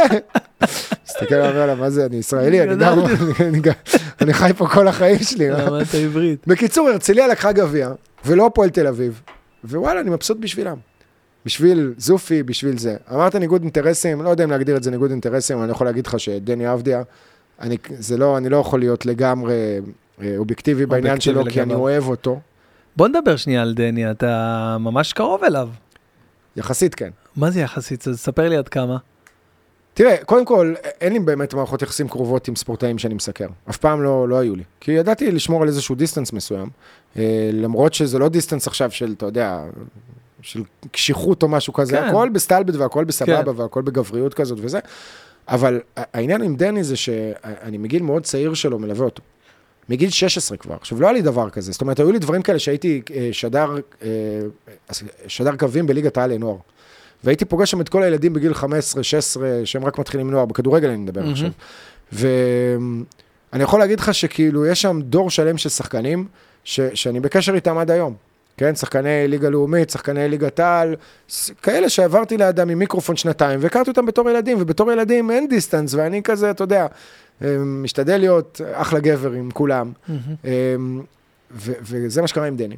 ו- ועם הזמן, אתה יודע, נפגשנו בעוד צמתים מאוד משמעותיים של הקריירה שלו. אמ, היה קשר מסוים, ואז הוא נסע לשחק ב-NBA, ואני, מן הסתם, זה תחום המומחיות שלי, ואין דבר שאני מבין בו יותר מ-NBA. השנה הראשונה שלו הייתה פחות קלה, כן. לא שהשנה השנייה הייתה קלה, אבל הייתה שנה, בטח עם הקורונה, והוא בלי כן, קהל וואי, במגרשים, ואף אחד לא מגיע לבקר אותו בכלל, וגם כל ההתחלה שם, במקום לעשות את הסדר הטבעי, שברגע ששחקן מגיע ל-NBA בגיל 19, הוא עובר בקיץ, בליגת הקיץ בלאס וגאס, ניסיון ראשון, זה קורה בחודש יולי. ארבעה חודשים לפני שהעונה מתחילה, שלושה חודשים לפני שהעונה מתחילה, והוא מכיר את כל החברים שלו למחזור שנבחרו אותו בו, איתו באותו דראפט, אז יש פה, פה לא היה, היה דראפט וירטואלי, הוא היה בכלל בארץ בדראפט, שנדחה בגלל עונת נכון, הקורונה. נכון, הוא היה דראפט הגיע- וירטואלי. כן, זו הייתה התחלה הרבה יותר קשה, בלי התמיכה וה, וה, והכלים הבסיסיים שאתה צריך בשביל להצליח. והוא הוא דיבר איתי כמה פעמים, כאילו, לקבל קצת מובן על הליגה, להבין את המקום שלו, להבין, ו, ומשם התפתחה מערכת יחסים מסוימת, שהתקרבנו עם הזמן. אני אוהב אותו מאוד. מעבר ל... לשחקן כדורסל שהוא, אני אוהב את הבן אדם שהוא. מאוד אוהב את הבן אדם שלו, אני חושב שהוא הוא, הוא סופר רגיש, יש לו אינטליגנציה רגשית מאוד מאוד גבוהה כזאת. אה, הוא ילד שמח, שאוהב לעשות כיף, שאוהב חברים, שאוהב ליהנות. הוא בא מבית מדהים, עם שני הורים יוצא דופן, שחינכו אותו כמו שצריך, ו... ואתה יודע, ככה התפתח הקשר כזה. עכשיו, ותגיד- אני עדיין דואג להפריד בין זה לבין, זאת אומרת, החברות שלי, הקשר המסוים שיש לי איתו, לבין הדברים שאני אומר בסופו של דבר, והנה, אני גם נותן את זה פה כגילוי נאות, כן? אני יודע שיש פה עיתונאים שהם נחשבים לעיתונאי חצר של שחקן כזה או אחר, מהמם. ואז אתה, אתה לא יכול לקבל את מה שהם אומרים בצורה אובייקטיבית, כי הם, אה, להם אובייקטיבית. ואמיתית וכנה, אוקיי? וכל אחד פה מייחצן איזשהו שחקן. אני אמיתי, האינטגריטי שלי הוא לפני הכל.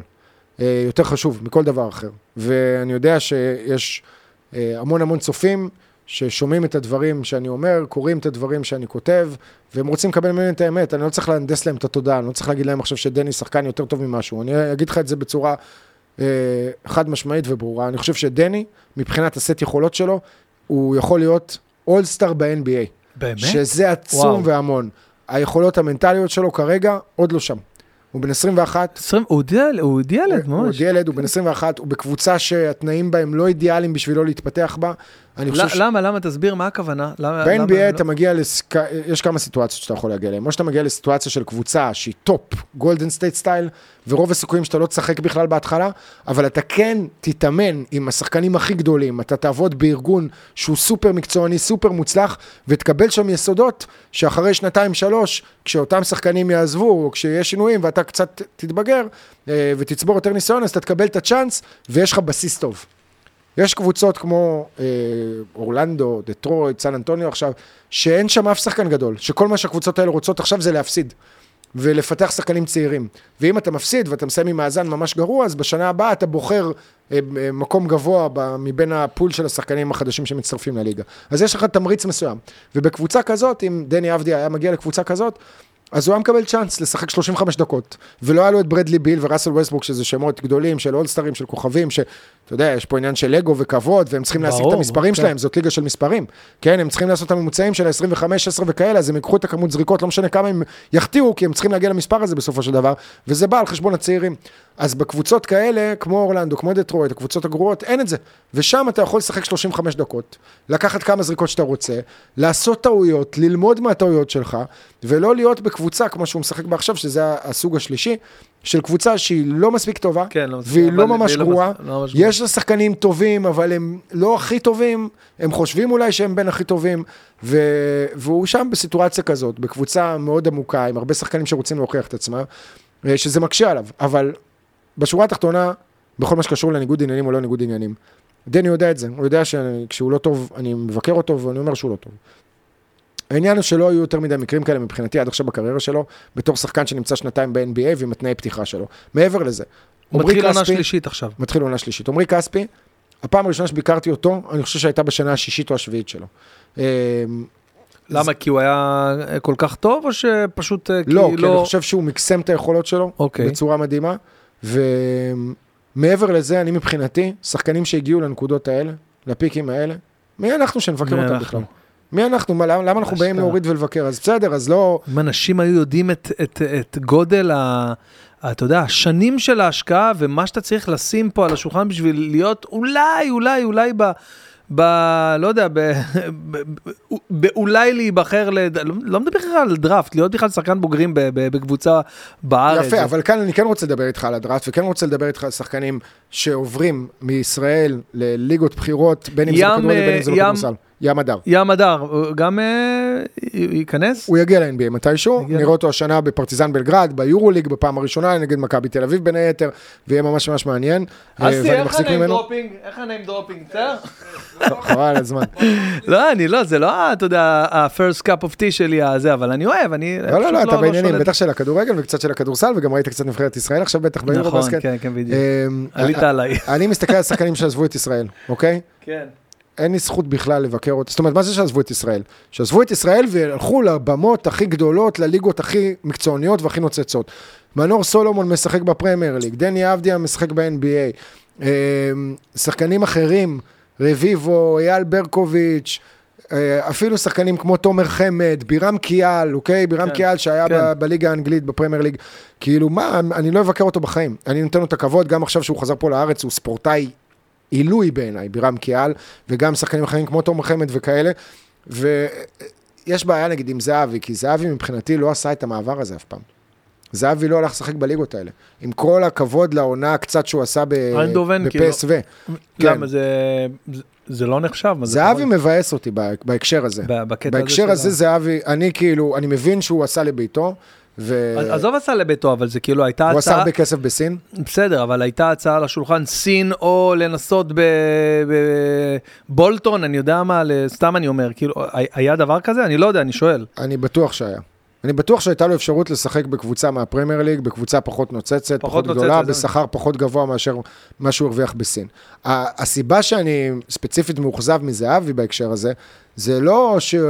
שהוא הלך לשחק שם ו... ובחר בכסף. אני מבין לגמרי את הבחירה בכסף, כן? כ... כספורטאי מקצוען, יש לו קריירה טווח זמן קצר, נכון. הוא צריך למקסם אותה עד כמה שהוא יכול. כל ה...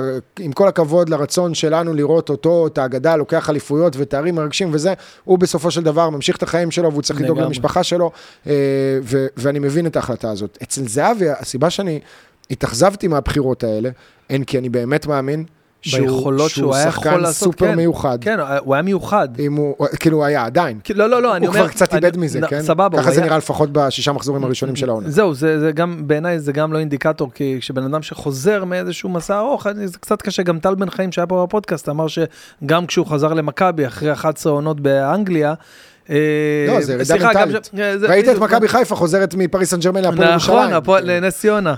לא, נס ציונה זה הפועל תל אביב חטפה מנס ציונה. היא שיחקה נגד אה, הפועל נכון, ירושלים. נכון, צודק, צודק, כן. כן. עזוב, הפועל. ירושלים בינתיים זה אימפריה, אה, כן? בדיוק, אה, קבוצה היחידה בליגה שלא הפסידה משחק עדיין, מקום שני, כן? אשכרה, חטפו, בקיצור, זה, היה באמת, אה, אז, הירידה, יש פה איזושהי, אתה יודע, אה, אה, לא, פסגות הייתה את. הירידה הזאת גם לרביבו וגם לברקוביץ', וזה ברור, וזה זה משחק ברמה אחרת. אני אומר שמבחינתי רן זהבי הוא, הוא כל כך מחונן, הוא קילר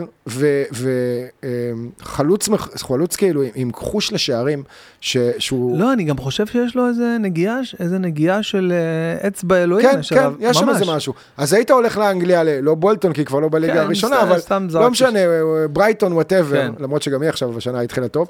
אמ, ו- ושם היית עושה עונה אחת, ואז היית מגיע לטופ.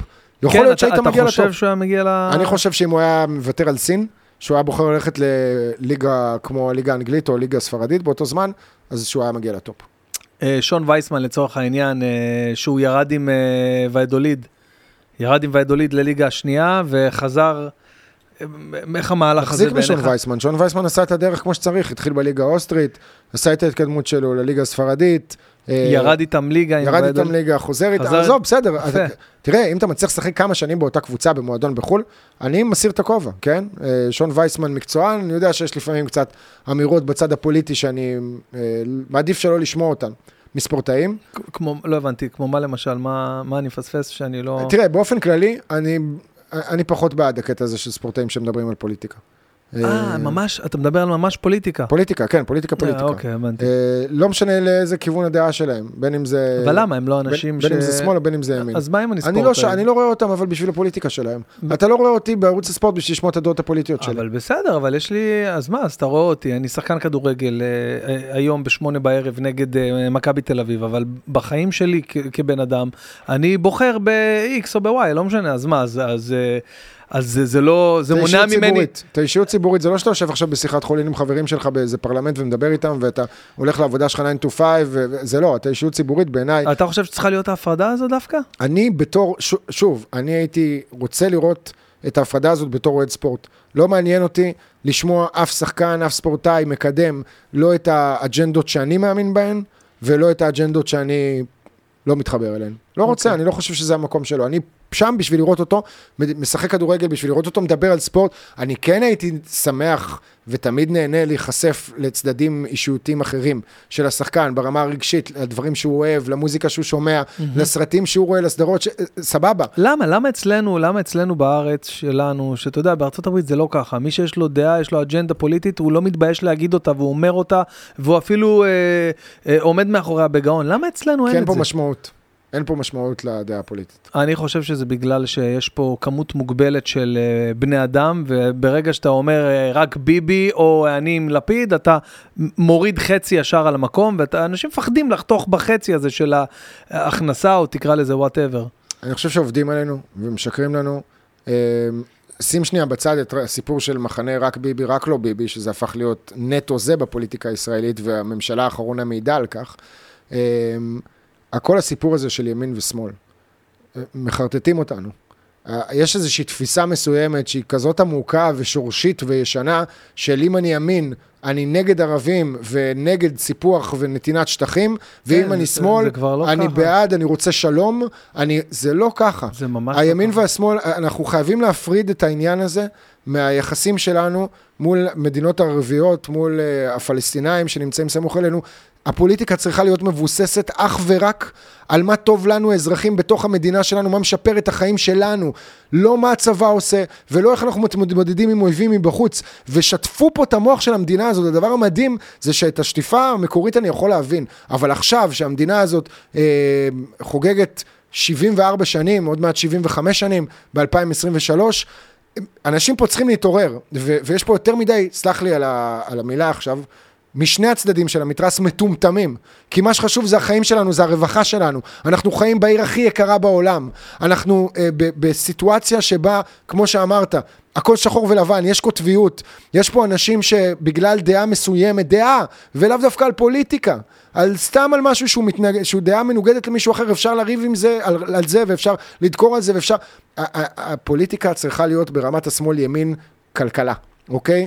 תאמינו בדוקטרינות כלכליות מסוימות, כמו שזה קורה בארצות הברית, יש רפובליקנים ודמוקרטים, mm-hmm. עזוב שגם שם אנשים התחילו להתפזר, ואני ב, לא מתבייש להגיד שבטבע שלי, בדעות שלי, אני יותר ליברלי, אני יותר לצד השמאלי. מצד שני, כשאני מסתכל על השמאל, אני אומר שהוא לקח כאילו אה, פנייה כן. קיצונית כן. שמאלה, שהיא הלכה יותר מדי רחוק, כל הטרלול הפרוגרסיבי הזה, אוקיי. או כל מיני דברים שגם אתה רואה אותם בתרבות האמריקנית, שפתאום אה, פוסלים כל מיני...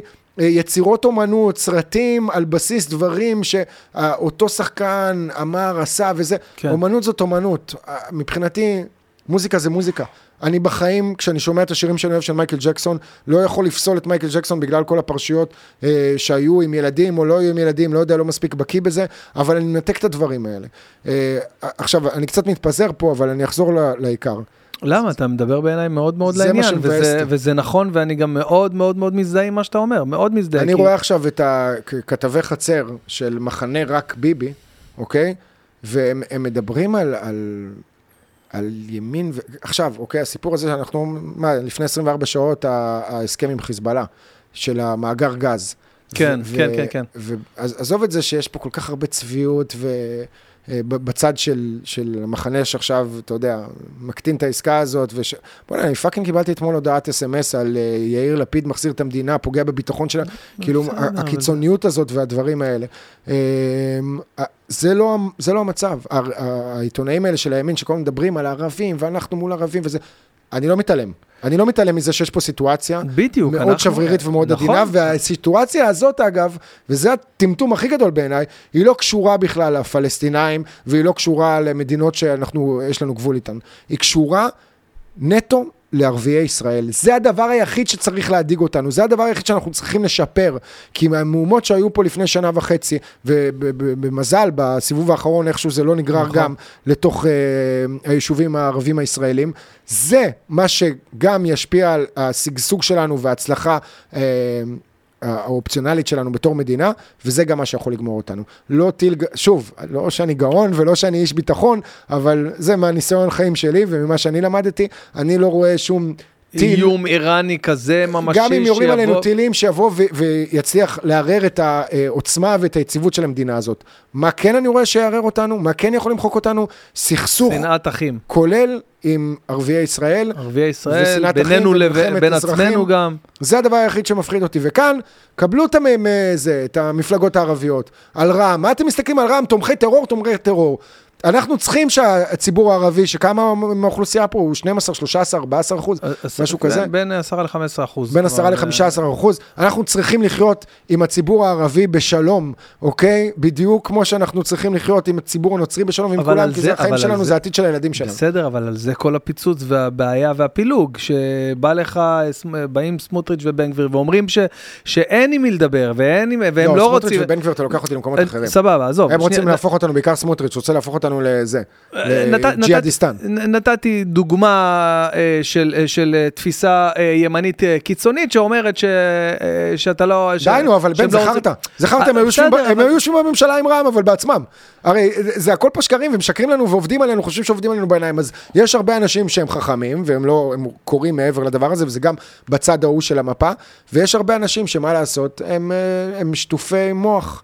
ו- והם בסוג של כת מסוימת, אז הם לא רואים את המציאות מול העיניים שלהם, ואגב, גם בצד השני, גם באלה שהם ר- רק לא ביבי. כי אני, אני מבין שיש הרבה דברים שהוא עשה, שאולי קצת פגעו במדינה הזאת, במרקם שלה בעיקר, הם לא פגעו במדינה, הם פגעו במרקם שלה כרגע, אה, ו- ובאווירה המתוחה הזאת שיש בין ימין ושמאל, שיש בין מזרחים ואשכנזים בצורה מסוימת, ב- ב- ב- באיזשהו עיתונאי שעוזר כל הזמן לפמפם את ההגמוניה וההגמוניה כן. וההגמוניה, אבל אני יודע להעריך את ביבי, ואני יודע להגיד שהוא אחד מראשי הממשלה, אם לא ראש ממשלה, אולי הכי טוב שהיה פה, ועשה המון המון דברים טובים למדינה הזאת. אני, הבעיה היחידה שלי עם ביבי, זה, זה הצביעות הכי גדולה, וזה הטמטום הכי גדול. למרות שזה כבר פעם חמישית שאני אומר ברנט הזה, טמטום הכי גדול. שביבי זה הראש ממשלה הכי שמאלני שהיה פה. מבחינת החזרת שטחים, מבחינת שלום עם מדינות ערביות, מב- כל הסיפור הזה. פשוט הוא בא מהימין והם לא רואים את זה. הזיה. אתה מסתכל על אף ממשלת שמאל לא החזירה שטחים. אף ממשלת שמאל, רק ממשלות ימין עשו את זה, אתה מבין? ו- וזה מה שאני אומר שהוא טמטום. כי ביבי מקבל החלטות של ראש ממשלה ליברלי. זאת אומרת, אני הבעיה היחידה שלי איתו, זה אגב גם לא השחיתויות והדברים האלה שהוא הולך למשפט. בסדר, אני מבין שלא כל החיים הם שחור ולבן, ויש הרבה תחום אפור. הבעיה היחידה שלי איתו, זה הדרך שבה אני חושב שהוא שיסה אותנו אחד בשני.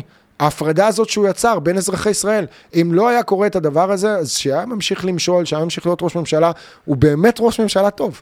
באמת, אה, יודע, השם של ישראל אותו, הוא רואים, שם... רואים אותו, רוא- העולם רואה את ביבי כאחד מהפוליטיקאים, אחד המנהיגים הגדולים בעולם, כאילו רואים אותו, מסתכלים בחוץ. בצדק. רואים אותו ככה. בטח זה- בין הפוליטיקאים המודרניים, כן, כן? ראיתי שעכשיו. השוו אותו קצת למרגרט תאצ'ר, כן. ווינסטון צ'רצ'יל טיפה כן, הלכו כן, רחוק. עם דמויות ש- שכאילו, בוא נגיד כן. שווינסטון צ'רצ'יל זה הבן אדם, בעיניי, האיש הכי חשוב בהיסטוריה כן, האנושית. הכי חשוב. הכי חשוב. זה, זה מאוד uh, מדויק, מה שאתה אומר. אם לא ווינסטון צ'רצ'יל, יש נכון. מצב טוב מאוד שאני ואתה לא נכון, פה היום, נכון, והנאצים שולטים בחצי כדור הארץ. יש מצב לא רע בכלל. הבריטים נכנעים וכל אירופה נכנעת, ו... אז בסדר, אז בוא לא נשווה אותו לווינסטון צ'רצ'יל, ובוא לא נשווה הרבה אנשים לווינסטון צ'רצ'יל, אבל כמו שאמרתי, הוא, יש לו הרבה מאוד זכויות שמגיעות לו. הדבר היחיד זה די עם הערבים נוהרים לקלפיות, ודי עם ה, השמאל ככה והשמאל ככה והשמאל אבל ככה. אבל תשמע, הוא אומר את זה על בסופו של פוליטיקאים, דבר... אנשים ששומעים את זה חושבים את זה עליי, הם חושבים את זה על מישהו שזה נכון, הדעה אבל הפוליטית שלו. בסופו של דבר צריך להשיג קולות, ויש דרך להשיג קולות, ויש דרך ליצור פרובו- פרובוקציות, אז uh, כאילו אני במרכאות מבין uh, uh, את המהלכים ה... הפופוליסטים, אתה יודע, כל, ה, כל המרדף הזה אחרי כל קול וקול, אחי, אין מה לעשות, אם אתה לא תיצור אה, איזושהי דרמה, איזושהי מניפולציה כזו או אחרת על האזרחים, וכל האיומים והאיראן, וזה, זה לא אבל-. להפחיד ולהלחיץ ולהגיד לך, הנה, זהו, הולכים, זהו, פצצה, הנה. אבל לא משנה מה יקרה, ביבי נתניהו הוא אחת מהדמויות, אה, אם לא הכי גדולות, גדולה בהיסטוריה של התרבות הישראלית. עזוב שנייה כל מיני בנימין זאב הרצל ומייסד המדינה בגין. ודברים כאלה, וב... עדיין, הוא שם, דוד, דוד בן גוריון כמובן, בן גוריון, כמובן, כן. אה, יצחק רבין, כל אחד יש לזה, אבל עדיין אי אפשר לקחת מביבי את העובדה שהוא ראש ממשלה שכיהן הכי הרבה זמן בתפקיד, נכון. ושהוא כן עשה הרבה דברים, וכן, אתה יודע, הביאו איתנו פה להסכם שלום עם מדינות ערביות, אנחנו פה, מה, טסים לדובאי, אבו דאבי, עכשיו יש משחקי NBA באבו דאבי, אה, שרציתי, זה להוציא טיול עם אסי, אבל אה, אסי, סתם, לא, לא, לא, לא הסתדר, מ- זה, יוצא על יום כיפור, וכאילו, ממש אוקיי. לטוס על יום כיפור, להיות שם במהלך זה, יום כיפור במשחק, אה, ולא רלוונטי, אבל בוא, לפני שלוש שנים מי היה חושב בכלל על דבר כזה, כאילו, נכון. שאנחנו נטוס לדובאי, ראינו את הדבר הזה, את המגדלים, את אז, אז יש הרבה דברים שזה עזר גם לציבור הישראלי, וגם אפשרויות שזה פתח בפניו. יפה שאתה אומר את זה. לא, כאילו, לא, אני, ש- אני מודה, אתה יודע, זה, אמרתי, אין לי בעיה עם ההחלטות שביבי קיבל בתור ראש ממשלה, אני חושב שהוא היה ראש ממשלה מצוין. הבעיה היחידה זה ב, ב, ב, בעם שלנו עכשיו, בערעור של ה... זה לא שתמיד, זה אף פעם לא היינו כאילו פה הכל מאוחד והכל סבבה, כן? אנחנו מגדל בבל, יש פה מכל סוג, ויש פה מדינת ישראל היא המדינה כנראה הכי גזענית בעולם. חד אה, משמעית. כי יש פה יותר מדי אנשים שהם נכון, חד משמעית. אה, בין אם זה אשכנזים ומזרחים, וזה זה כמו. שחורים ולבנים בארצות הברית או משהו כזה, אבל שורה תחתונה, הוא גדול, הוא יישאר גדול.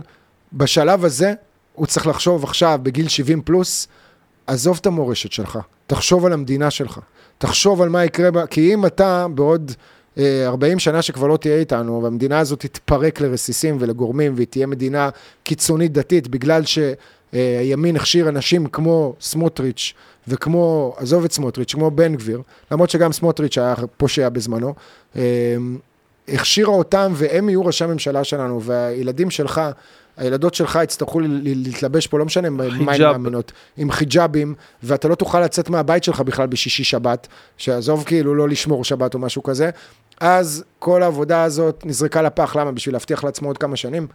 שחרר, הסדר טיעון זה הדבר הכי טוב שיכול לקרות למדינת ישראל, שלא יישב בכלא, לא צריך לשבת בכלא, אבל שהמדינה הזאת תוכל להתקדם הלאה, כי כרגע היא שבויה בכאוס שהוא יצר פה, במחנה הזה של ביבי, רק לא ביבי. וכל מי שבאמצע, שהוא לא ממש רק לא, והוא לא ממש רק כן, אבוד.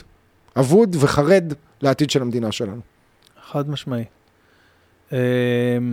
ובנימה אופטימית זאת, בנימה אופטימית זאת, האמת שיש, אני רוצה להקליל פה את כל השיח הפוליטי הזה, כאילו, סתם, אני אוהב להשתעשע עם זה, למרות שאני גם בפוליטיקה לא, לא כזה שוחה, אבל אמ, אתה מראיין אותו, לא? אני, אה, כן, אתה עושה את בקרוב, הפודקאסט. בקרוב, בקרוב, בקרוב, לא רציתי לעלות, לא רציתי להגיד, כי זה עוד לא סגור, זה קצת מורכב, אבל... אה, בסדר, אז... כן, זהו, כן, כן, אתה לא רוצה. לחתוך את זה? לא, לא, לא, הכל טוב, שנייה. נעשה clap.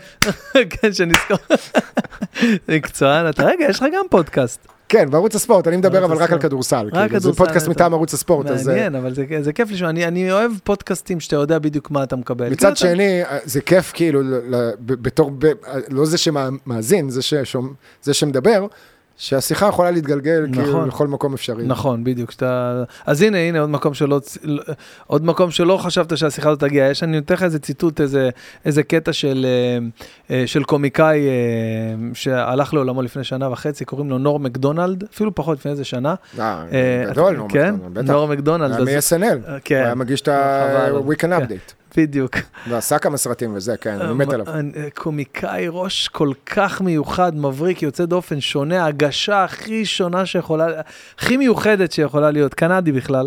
אז, אה, אז הוא אומר כאילו, מדבר על כל מיני פחדים שיש היום בדור שלנו לאנשים, אתה יודע, כל מיני פחד ממעליות, כל מיני דברים מפגרים, והוא אומר, אתם יודעים מה אני מפחד? אני מפחד מגרמניה. אומר, back in the days, גרמניה החליטה לצאת למלחמה. ואת מי היא בחרה כאויב שלה? The world. הוא אומר, the world. ואז אומר, אוקיי, בסדר, אתה אומר, מה, הם משוגעים? הם בוחרים את העולם כיריב שלהם? טוב, אז אני מניח שהמלחמות, לא יודע, תהיה כמה, שש, שבע שניות, אבל לא, זה היה צמוד. בקיצור, מישהו זה, הרגו אותם בהפסקת אש, ואז כעבור איזה 4-5 שנים, אה, כעבור כמה שנים, עוד פעם. גרמניה עוד פעם עלה איזה פסיכופת, וגרמניה החליטו שהם עוד פעם רוצים... עוד פעם נגד כל העולם. ונגד מי? The world. הוא אומר, והפעם הם כמעט ניצחו. הוא אומר, בוא'נה, תקשיבו, אנחנו צריכים להחליט שגרמניה, את לא מדינה יותר, את כדור, את, את כוכב. את לא יכולה להילחם בכוכבים, זה לא הגיוני. אז נור מקדונלד, חבל הזמן. אתה יודע, אנחנו... היה עכשיו יום כיפור, כאילו בואו נדבר תכל'ס, זה פודקאסט, אז כאילו מחר יום כיפור, כן. אבל מי ששומע היה לפני שבוע, אמ, ומשהו מצחיק, שאצלנו בבת ים הרבנים הכי עובדים אה, סביב השעון, כי אתה יודע, יש את אה, טקס התרת נדרים, אתה בטח, בטח מכיר בטח, את ה... בטח, ברור. אז בבת ים, אתה לא מבין, אחי, מה הולך, בהתרת נדרים, הרבנים איזה ארבעה ימים לפני, עם, ה, עם המלכות מאור, מתירים נדרים, כי יש שם איזה 50 אלף אה, בני נוער בבת ים, שכל היום נודר, אחי, נודר, כל היום רק נודרים, אחי, אז יש להם... אתה יודע שכל הצעירים מדברים ככה, כן? כן, נודר, אחי, נודר. בקב"ט דוקר, אחי, כאילו, זה בעיה, אחי, אז כל היום רק מתירים נדרים. נודר שאני דוקר. נודר כאילו, שאני דוקר, אחי, דברים כאלה. טוב, תגיד לי, בוא'נה, תשמע, קודם כל מאוד מאוד נהניתי, איזה כיף שבאת. ו... תודה שהזמנת. ותשמע, ובאמת אני, אני גם השכלתי, גם למדתי, גם התעניינתי, גם שמעתי על ה-NBA Trips. ו... מתי ההופעה הבאה שלך שאני בא לראות אבל? אה, קודם כל, מתי שאתה רוצה, כאילו... מה זה מתי שאני רוצה? לא, כל יום כאילו? לא, לא כל יום, אבל בוא נגיד אחרי החגים אנחנו חוזרים ל... יש לי אה, אה, מחר בערב, כאילו ב-11, זה קשה כאילו בפודקאסט, אבל ב-11 לאוקטובר יש לי בירוחם הופעה. משהו, רחוק. לא, לא, משהו מיוחד, שאנחנו עושים פעם ראשונה דרך, אה, דרך קק"ל, באמפי פארק פתוח, איזה אלף איש, משהו מעניין, אז זה בירוחם, מי שנמצא באזור הזה שידע, אבל אה, כל ההופעות שיש לנו פה באזור, אתה תל אביב, נכון? כאילו כן. מה שיש לי בתל אביב, אל תדאג, אני אזמין אותך באהבה, אה, אני אשמח מאוד שתבוא.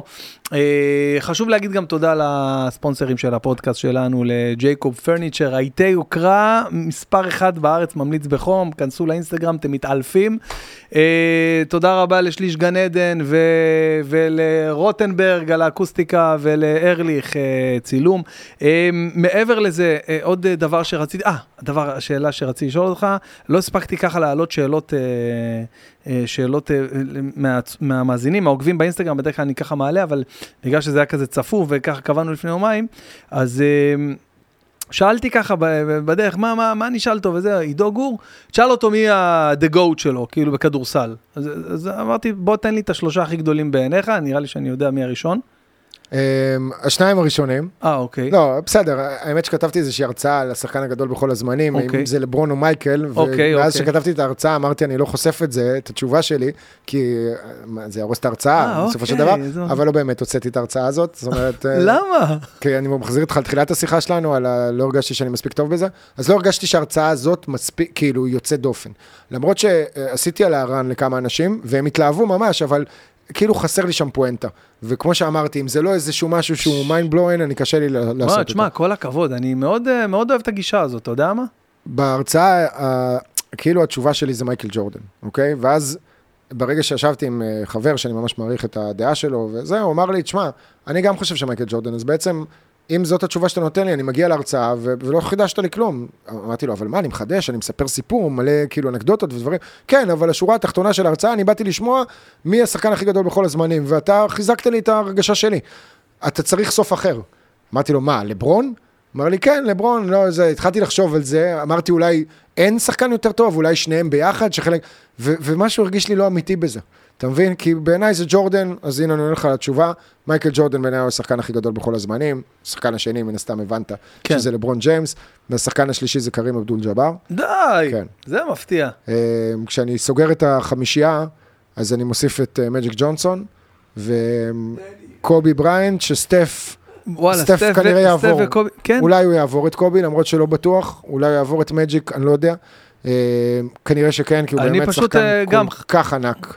עם אה, אבדול, אה, אה, תפסת. לי את המקום של סטף, בדיוק, זה החמישה שלו. תראה, קרים אה, הוא אחד מהאנשים הכי מעניינים בהיסטוריה של המשחק הזה. אה, אם אתה חוזר ל- לדברים שהוא עשה, עוד היה פעיל למען זכויות האדם, למען הקהילה השחורה, אה, בן אדם שהוא חובב ג'אז יוצא דופן, זאת אומרת, יש לו עולם תוכן מאוד עשיר, איש שקורא ספרים מאז שהוא שחקן בקולג'ים, שיחק ארבע שנים במכללות, לקח אליפויות, כל התארים, שיחק ב-NBA 20 שנה, הוא כרגע הקלה מוביל בכל הזמנים של ה-NBA, אבל לברון יעבור אותו במהלך העונה הזאת. כן, אה, יש לו גם שש אליפויות, אם אני זוכר נכון, איזה ארבעה, חמישה תארי MVP, והוא שיחק 24 שנים, כולל השל... השנים בקולג', עד לסוף קריירת ה-NBA שלו, עד לגיל 41, משהו כזה, בטופ של הטופ של הטופ. מבחינת קריירה, יש לו את אחת הקריירות המרשימות. תוסיף את זה שיש לו זריקה, שזה רק שלו. שזה רק שלו, וזאת הזריקה זריקה הכי יעילה. בכדורסל. אם אתה עושה אותה טוב, אי אפשר לעצור אותה. אי אפשר. אה, אה, יש לך הסבר? לזה? פיזיולוגית. פיז- למה? פיזיולוגית, אי אפשר. מה? זה, אנחנו מדברים על זריקת הוו, מה שנקרא הוו, כן, ה hook shot. כן, ה hook shot. אם אתה זורק זריקת וו, זה אומר שצד, שמאל שלך דוחף את היריב, את לא ההגנה. עזוב דוחף, מפריד. קודם כל יש פה הפרדה של בין צד שמאל של הגוף לצד ימין שהיד שלך הרי נמתחת. נכון. אז כאן אף שחקן לא יכול להגיע אליך, אף, שח- אף שומר לא יכול לחסום את הזריקה הזאת. לא משנה כמה הוא גדול וכמה הוא חזק. אם היה שחקנים בגובה שלוש מטר, כן, יש- מטר, אז יש אולי. איזה שתי מטר ב... ב- יפה, יש הבדל של שני, שניים וחצי מטרים אפילו. בטח לשחקנים עם יד כזאת. אז לחסום את הזריקה הזאת אי אפשר. פשוט אי אפשר לעצור אותה. אם אתה יודע לקלוע אותה כמו שצריך, אי אפשר לעצור אותה. לא משנה גם מה הגובה שלך ומה היכולת האתלטית שלך.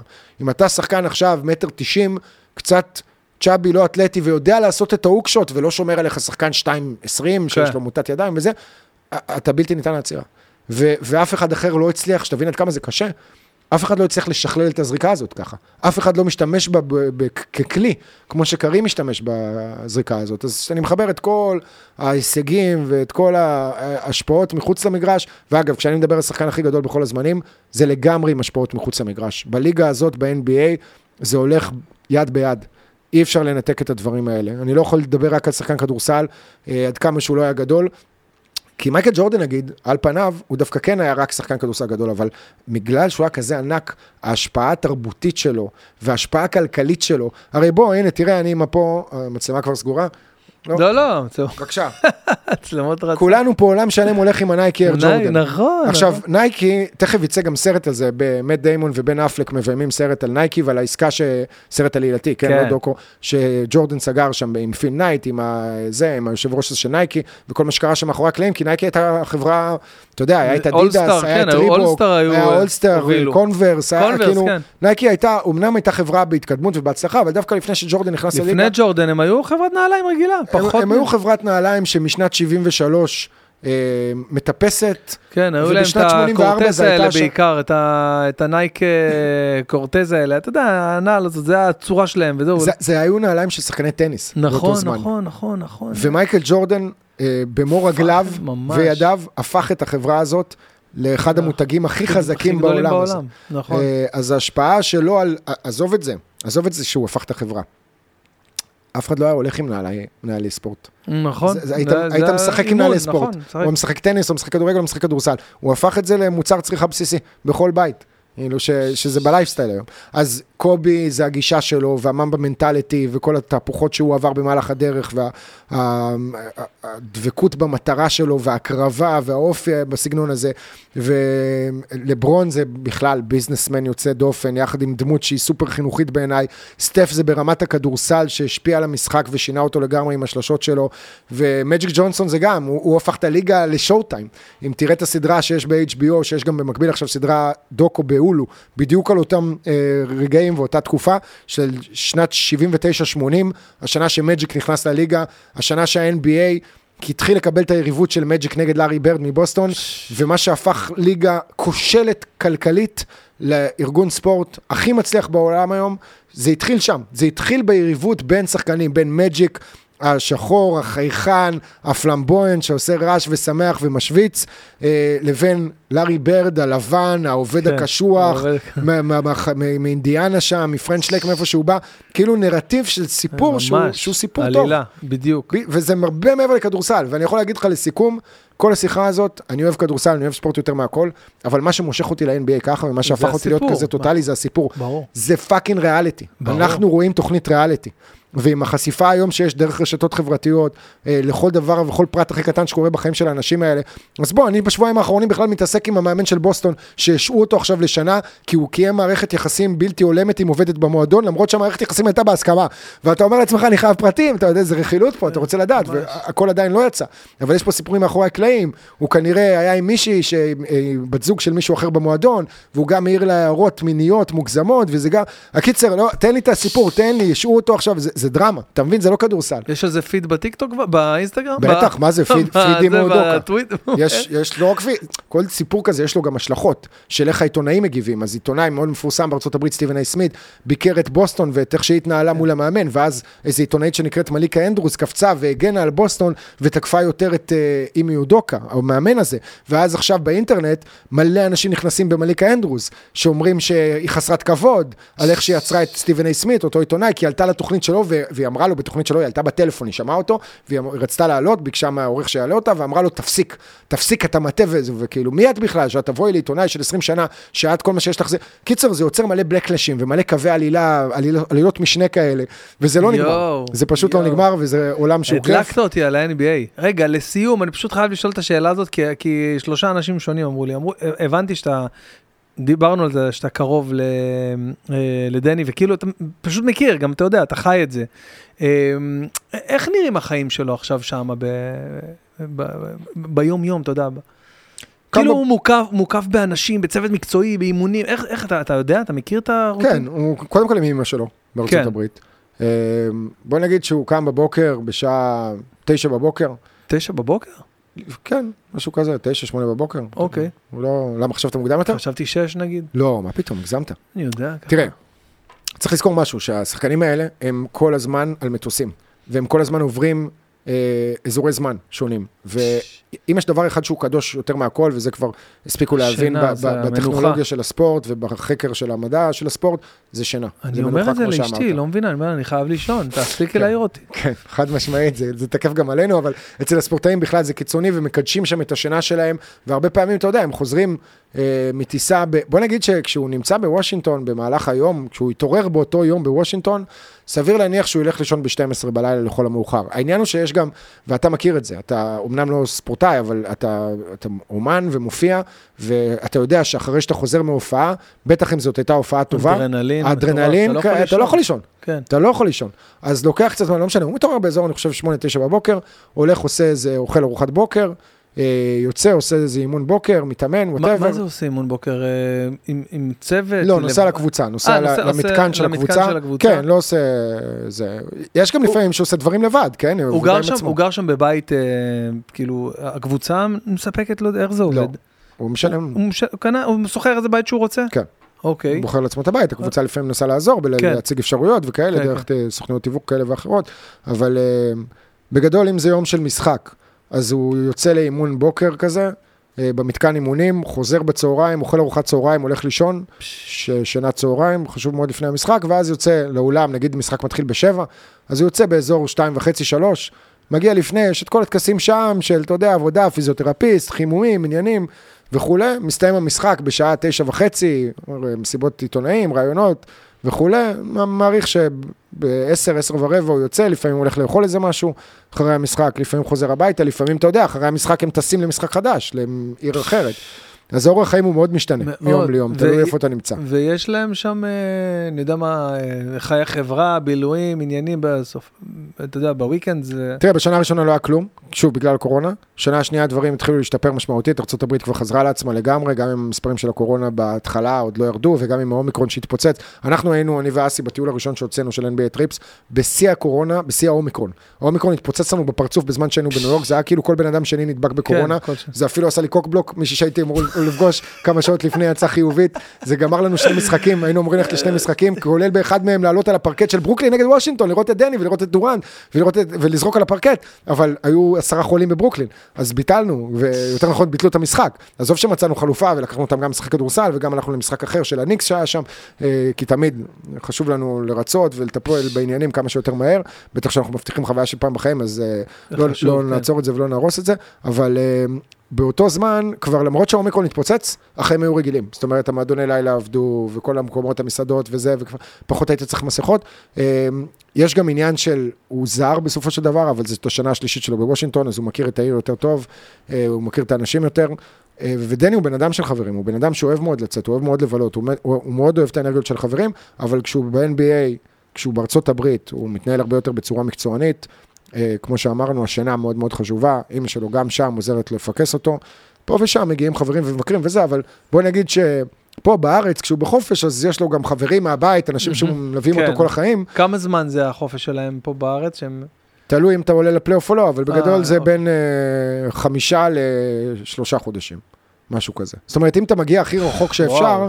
אז יש לך שלושה חודשים. עזוב, 14 קבוצות, יש להם חמישה חודשים חופש. וואו, מה זה? מסיימות באמצע אפריל וחוזרות להתאמן באמצע ספטמבר. וואו. יש לך לפעמים, אתה יודע, דברים, מחויבויות, לדני ספציפית, בגלל שהוא משחק בנבחרת ישראל, אז אה, מחויבויות כאלה ואחרות עם הנבחרת הלאומית. אבל אם אתה אמריקאי, שהוא לא שחקן גדול שמשחק בנבחרת ארה"ב, ואתה בקבוצה בינונית כזאת, שלא עולה לפלייאוף, אה, סיימת ב-10 באפריל, חזרת לעבוד ב-20 בספטמבר. על זה אתה מקבל 80 מיליון דולר? חמישה חודשים חופש. הרדי. עזוב, בפוטבול יש להם שמונה חודשים חופש בערך, שבעה, מה אתה משהו אומר? כזה, כן. טוב, קיצר, שמע, אנחנו יכולים לדבר עוד שעות, אחי, זה אנחנו לא... יכולים לא להפסיק. אז אה, קודם כל אני רוצה להגיד לך שוב פעם תודה רבה שבאת, היה לי ממש כיף, משכיל, מעניין, אה, מעשיר, אה, ואתה יודע, ובכלל, נושא כזה, גם אשתי אמרה לי, רגע, זה לא מה- הוא מחדשות הספורט של ה... של הספ... מה- מה, תשאל אותו, מה, מה תגיד לו? די, נו, מה אתה מסתלבט? כן. אשתך אמרה לך שאני...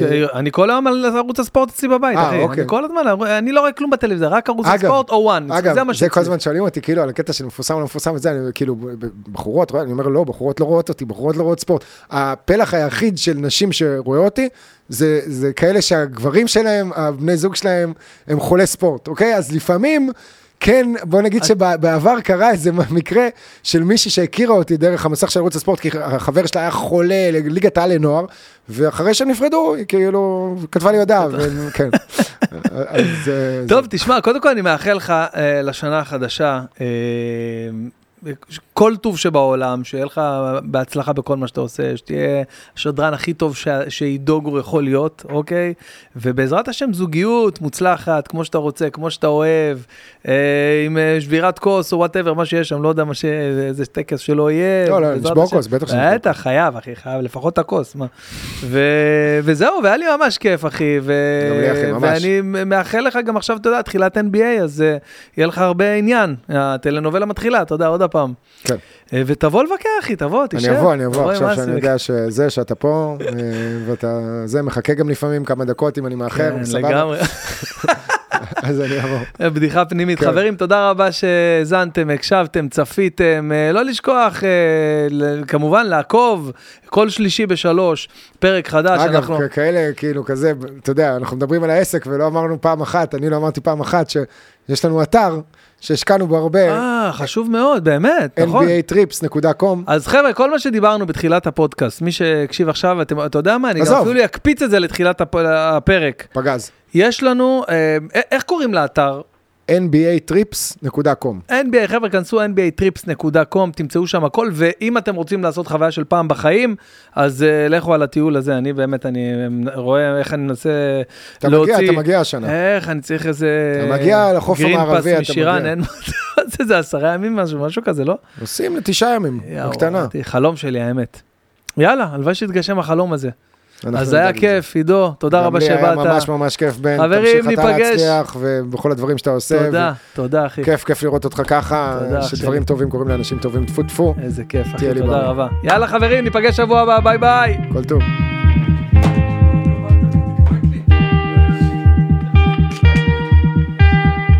שמע, חד משמעית זה הפודקאסט הכי ארוך.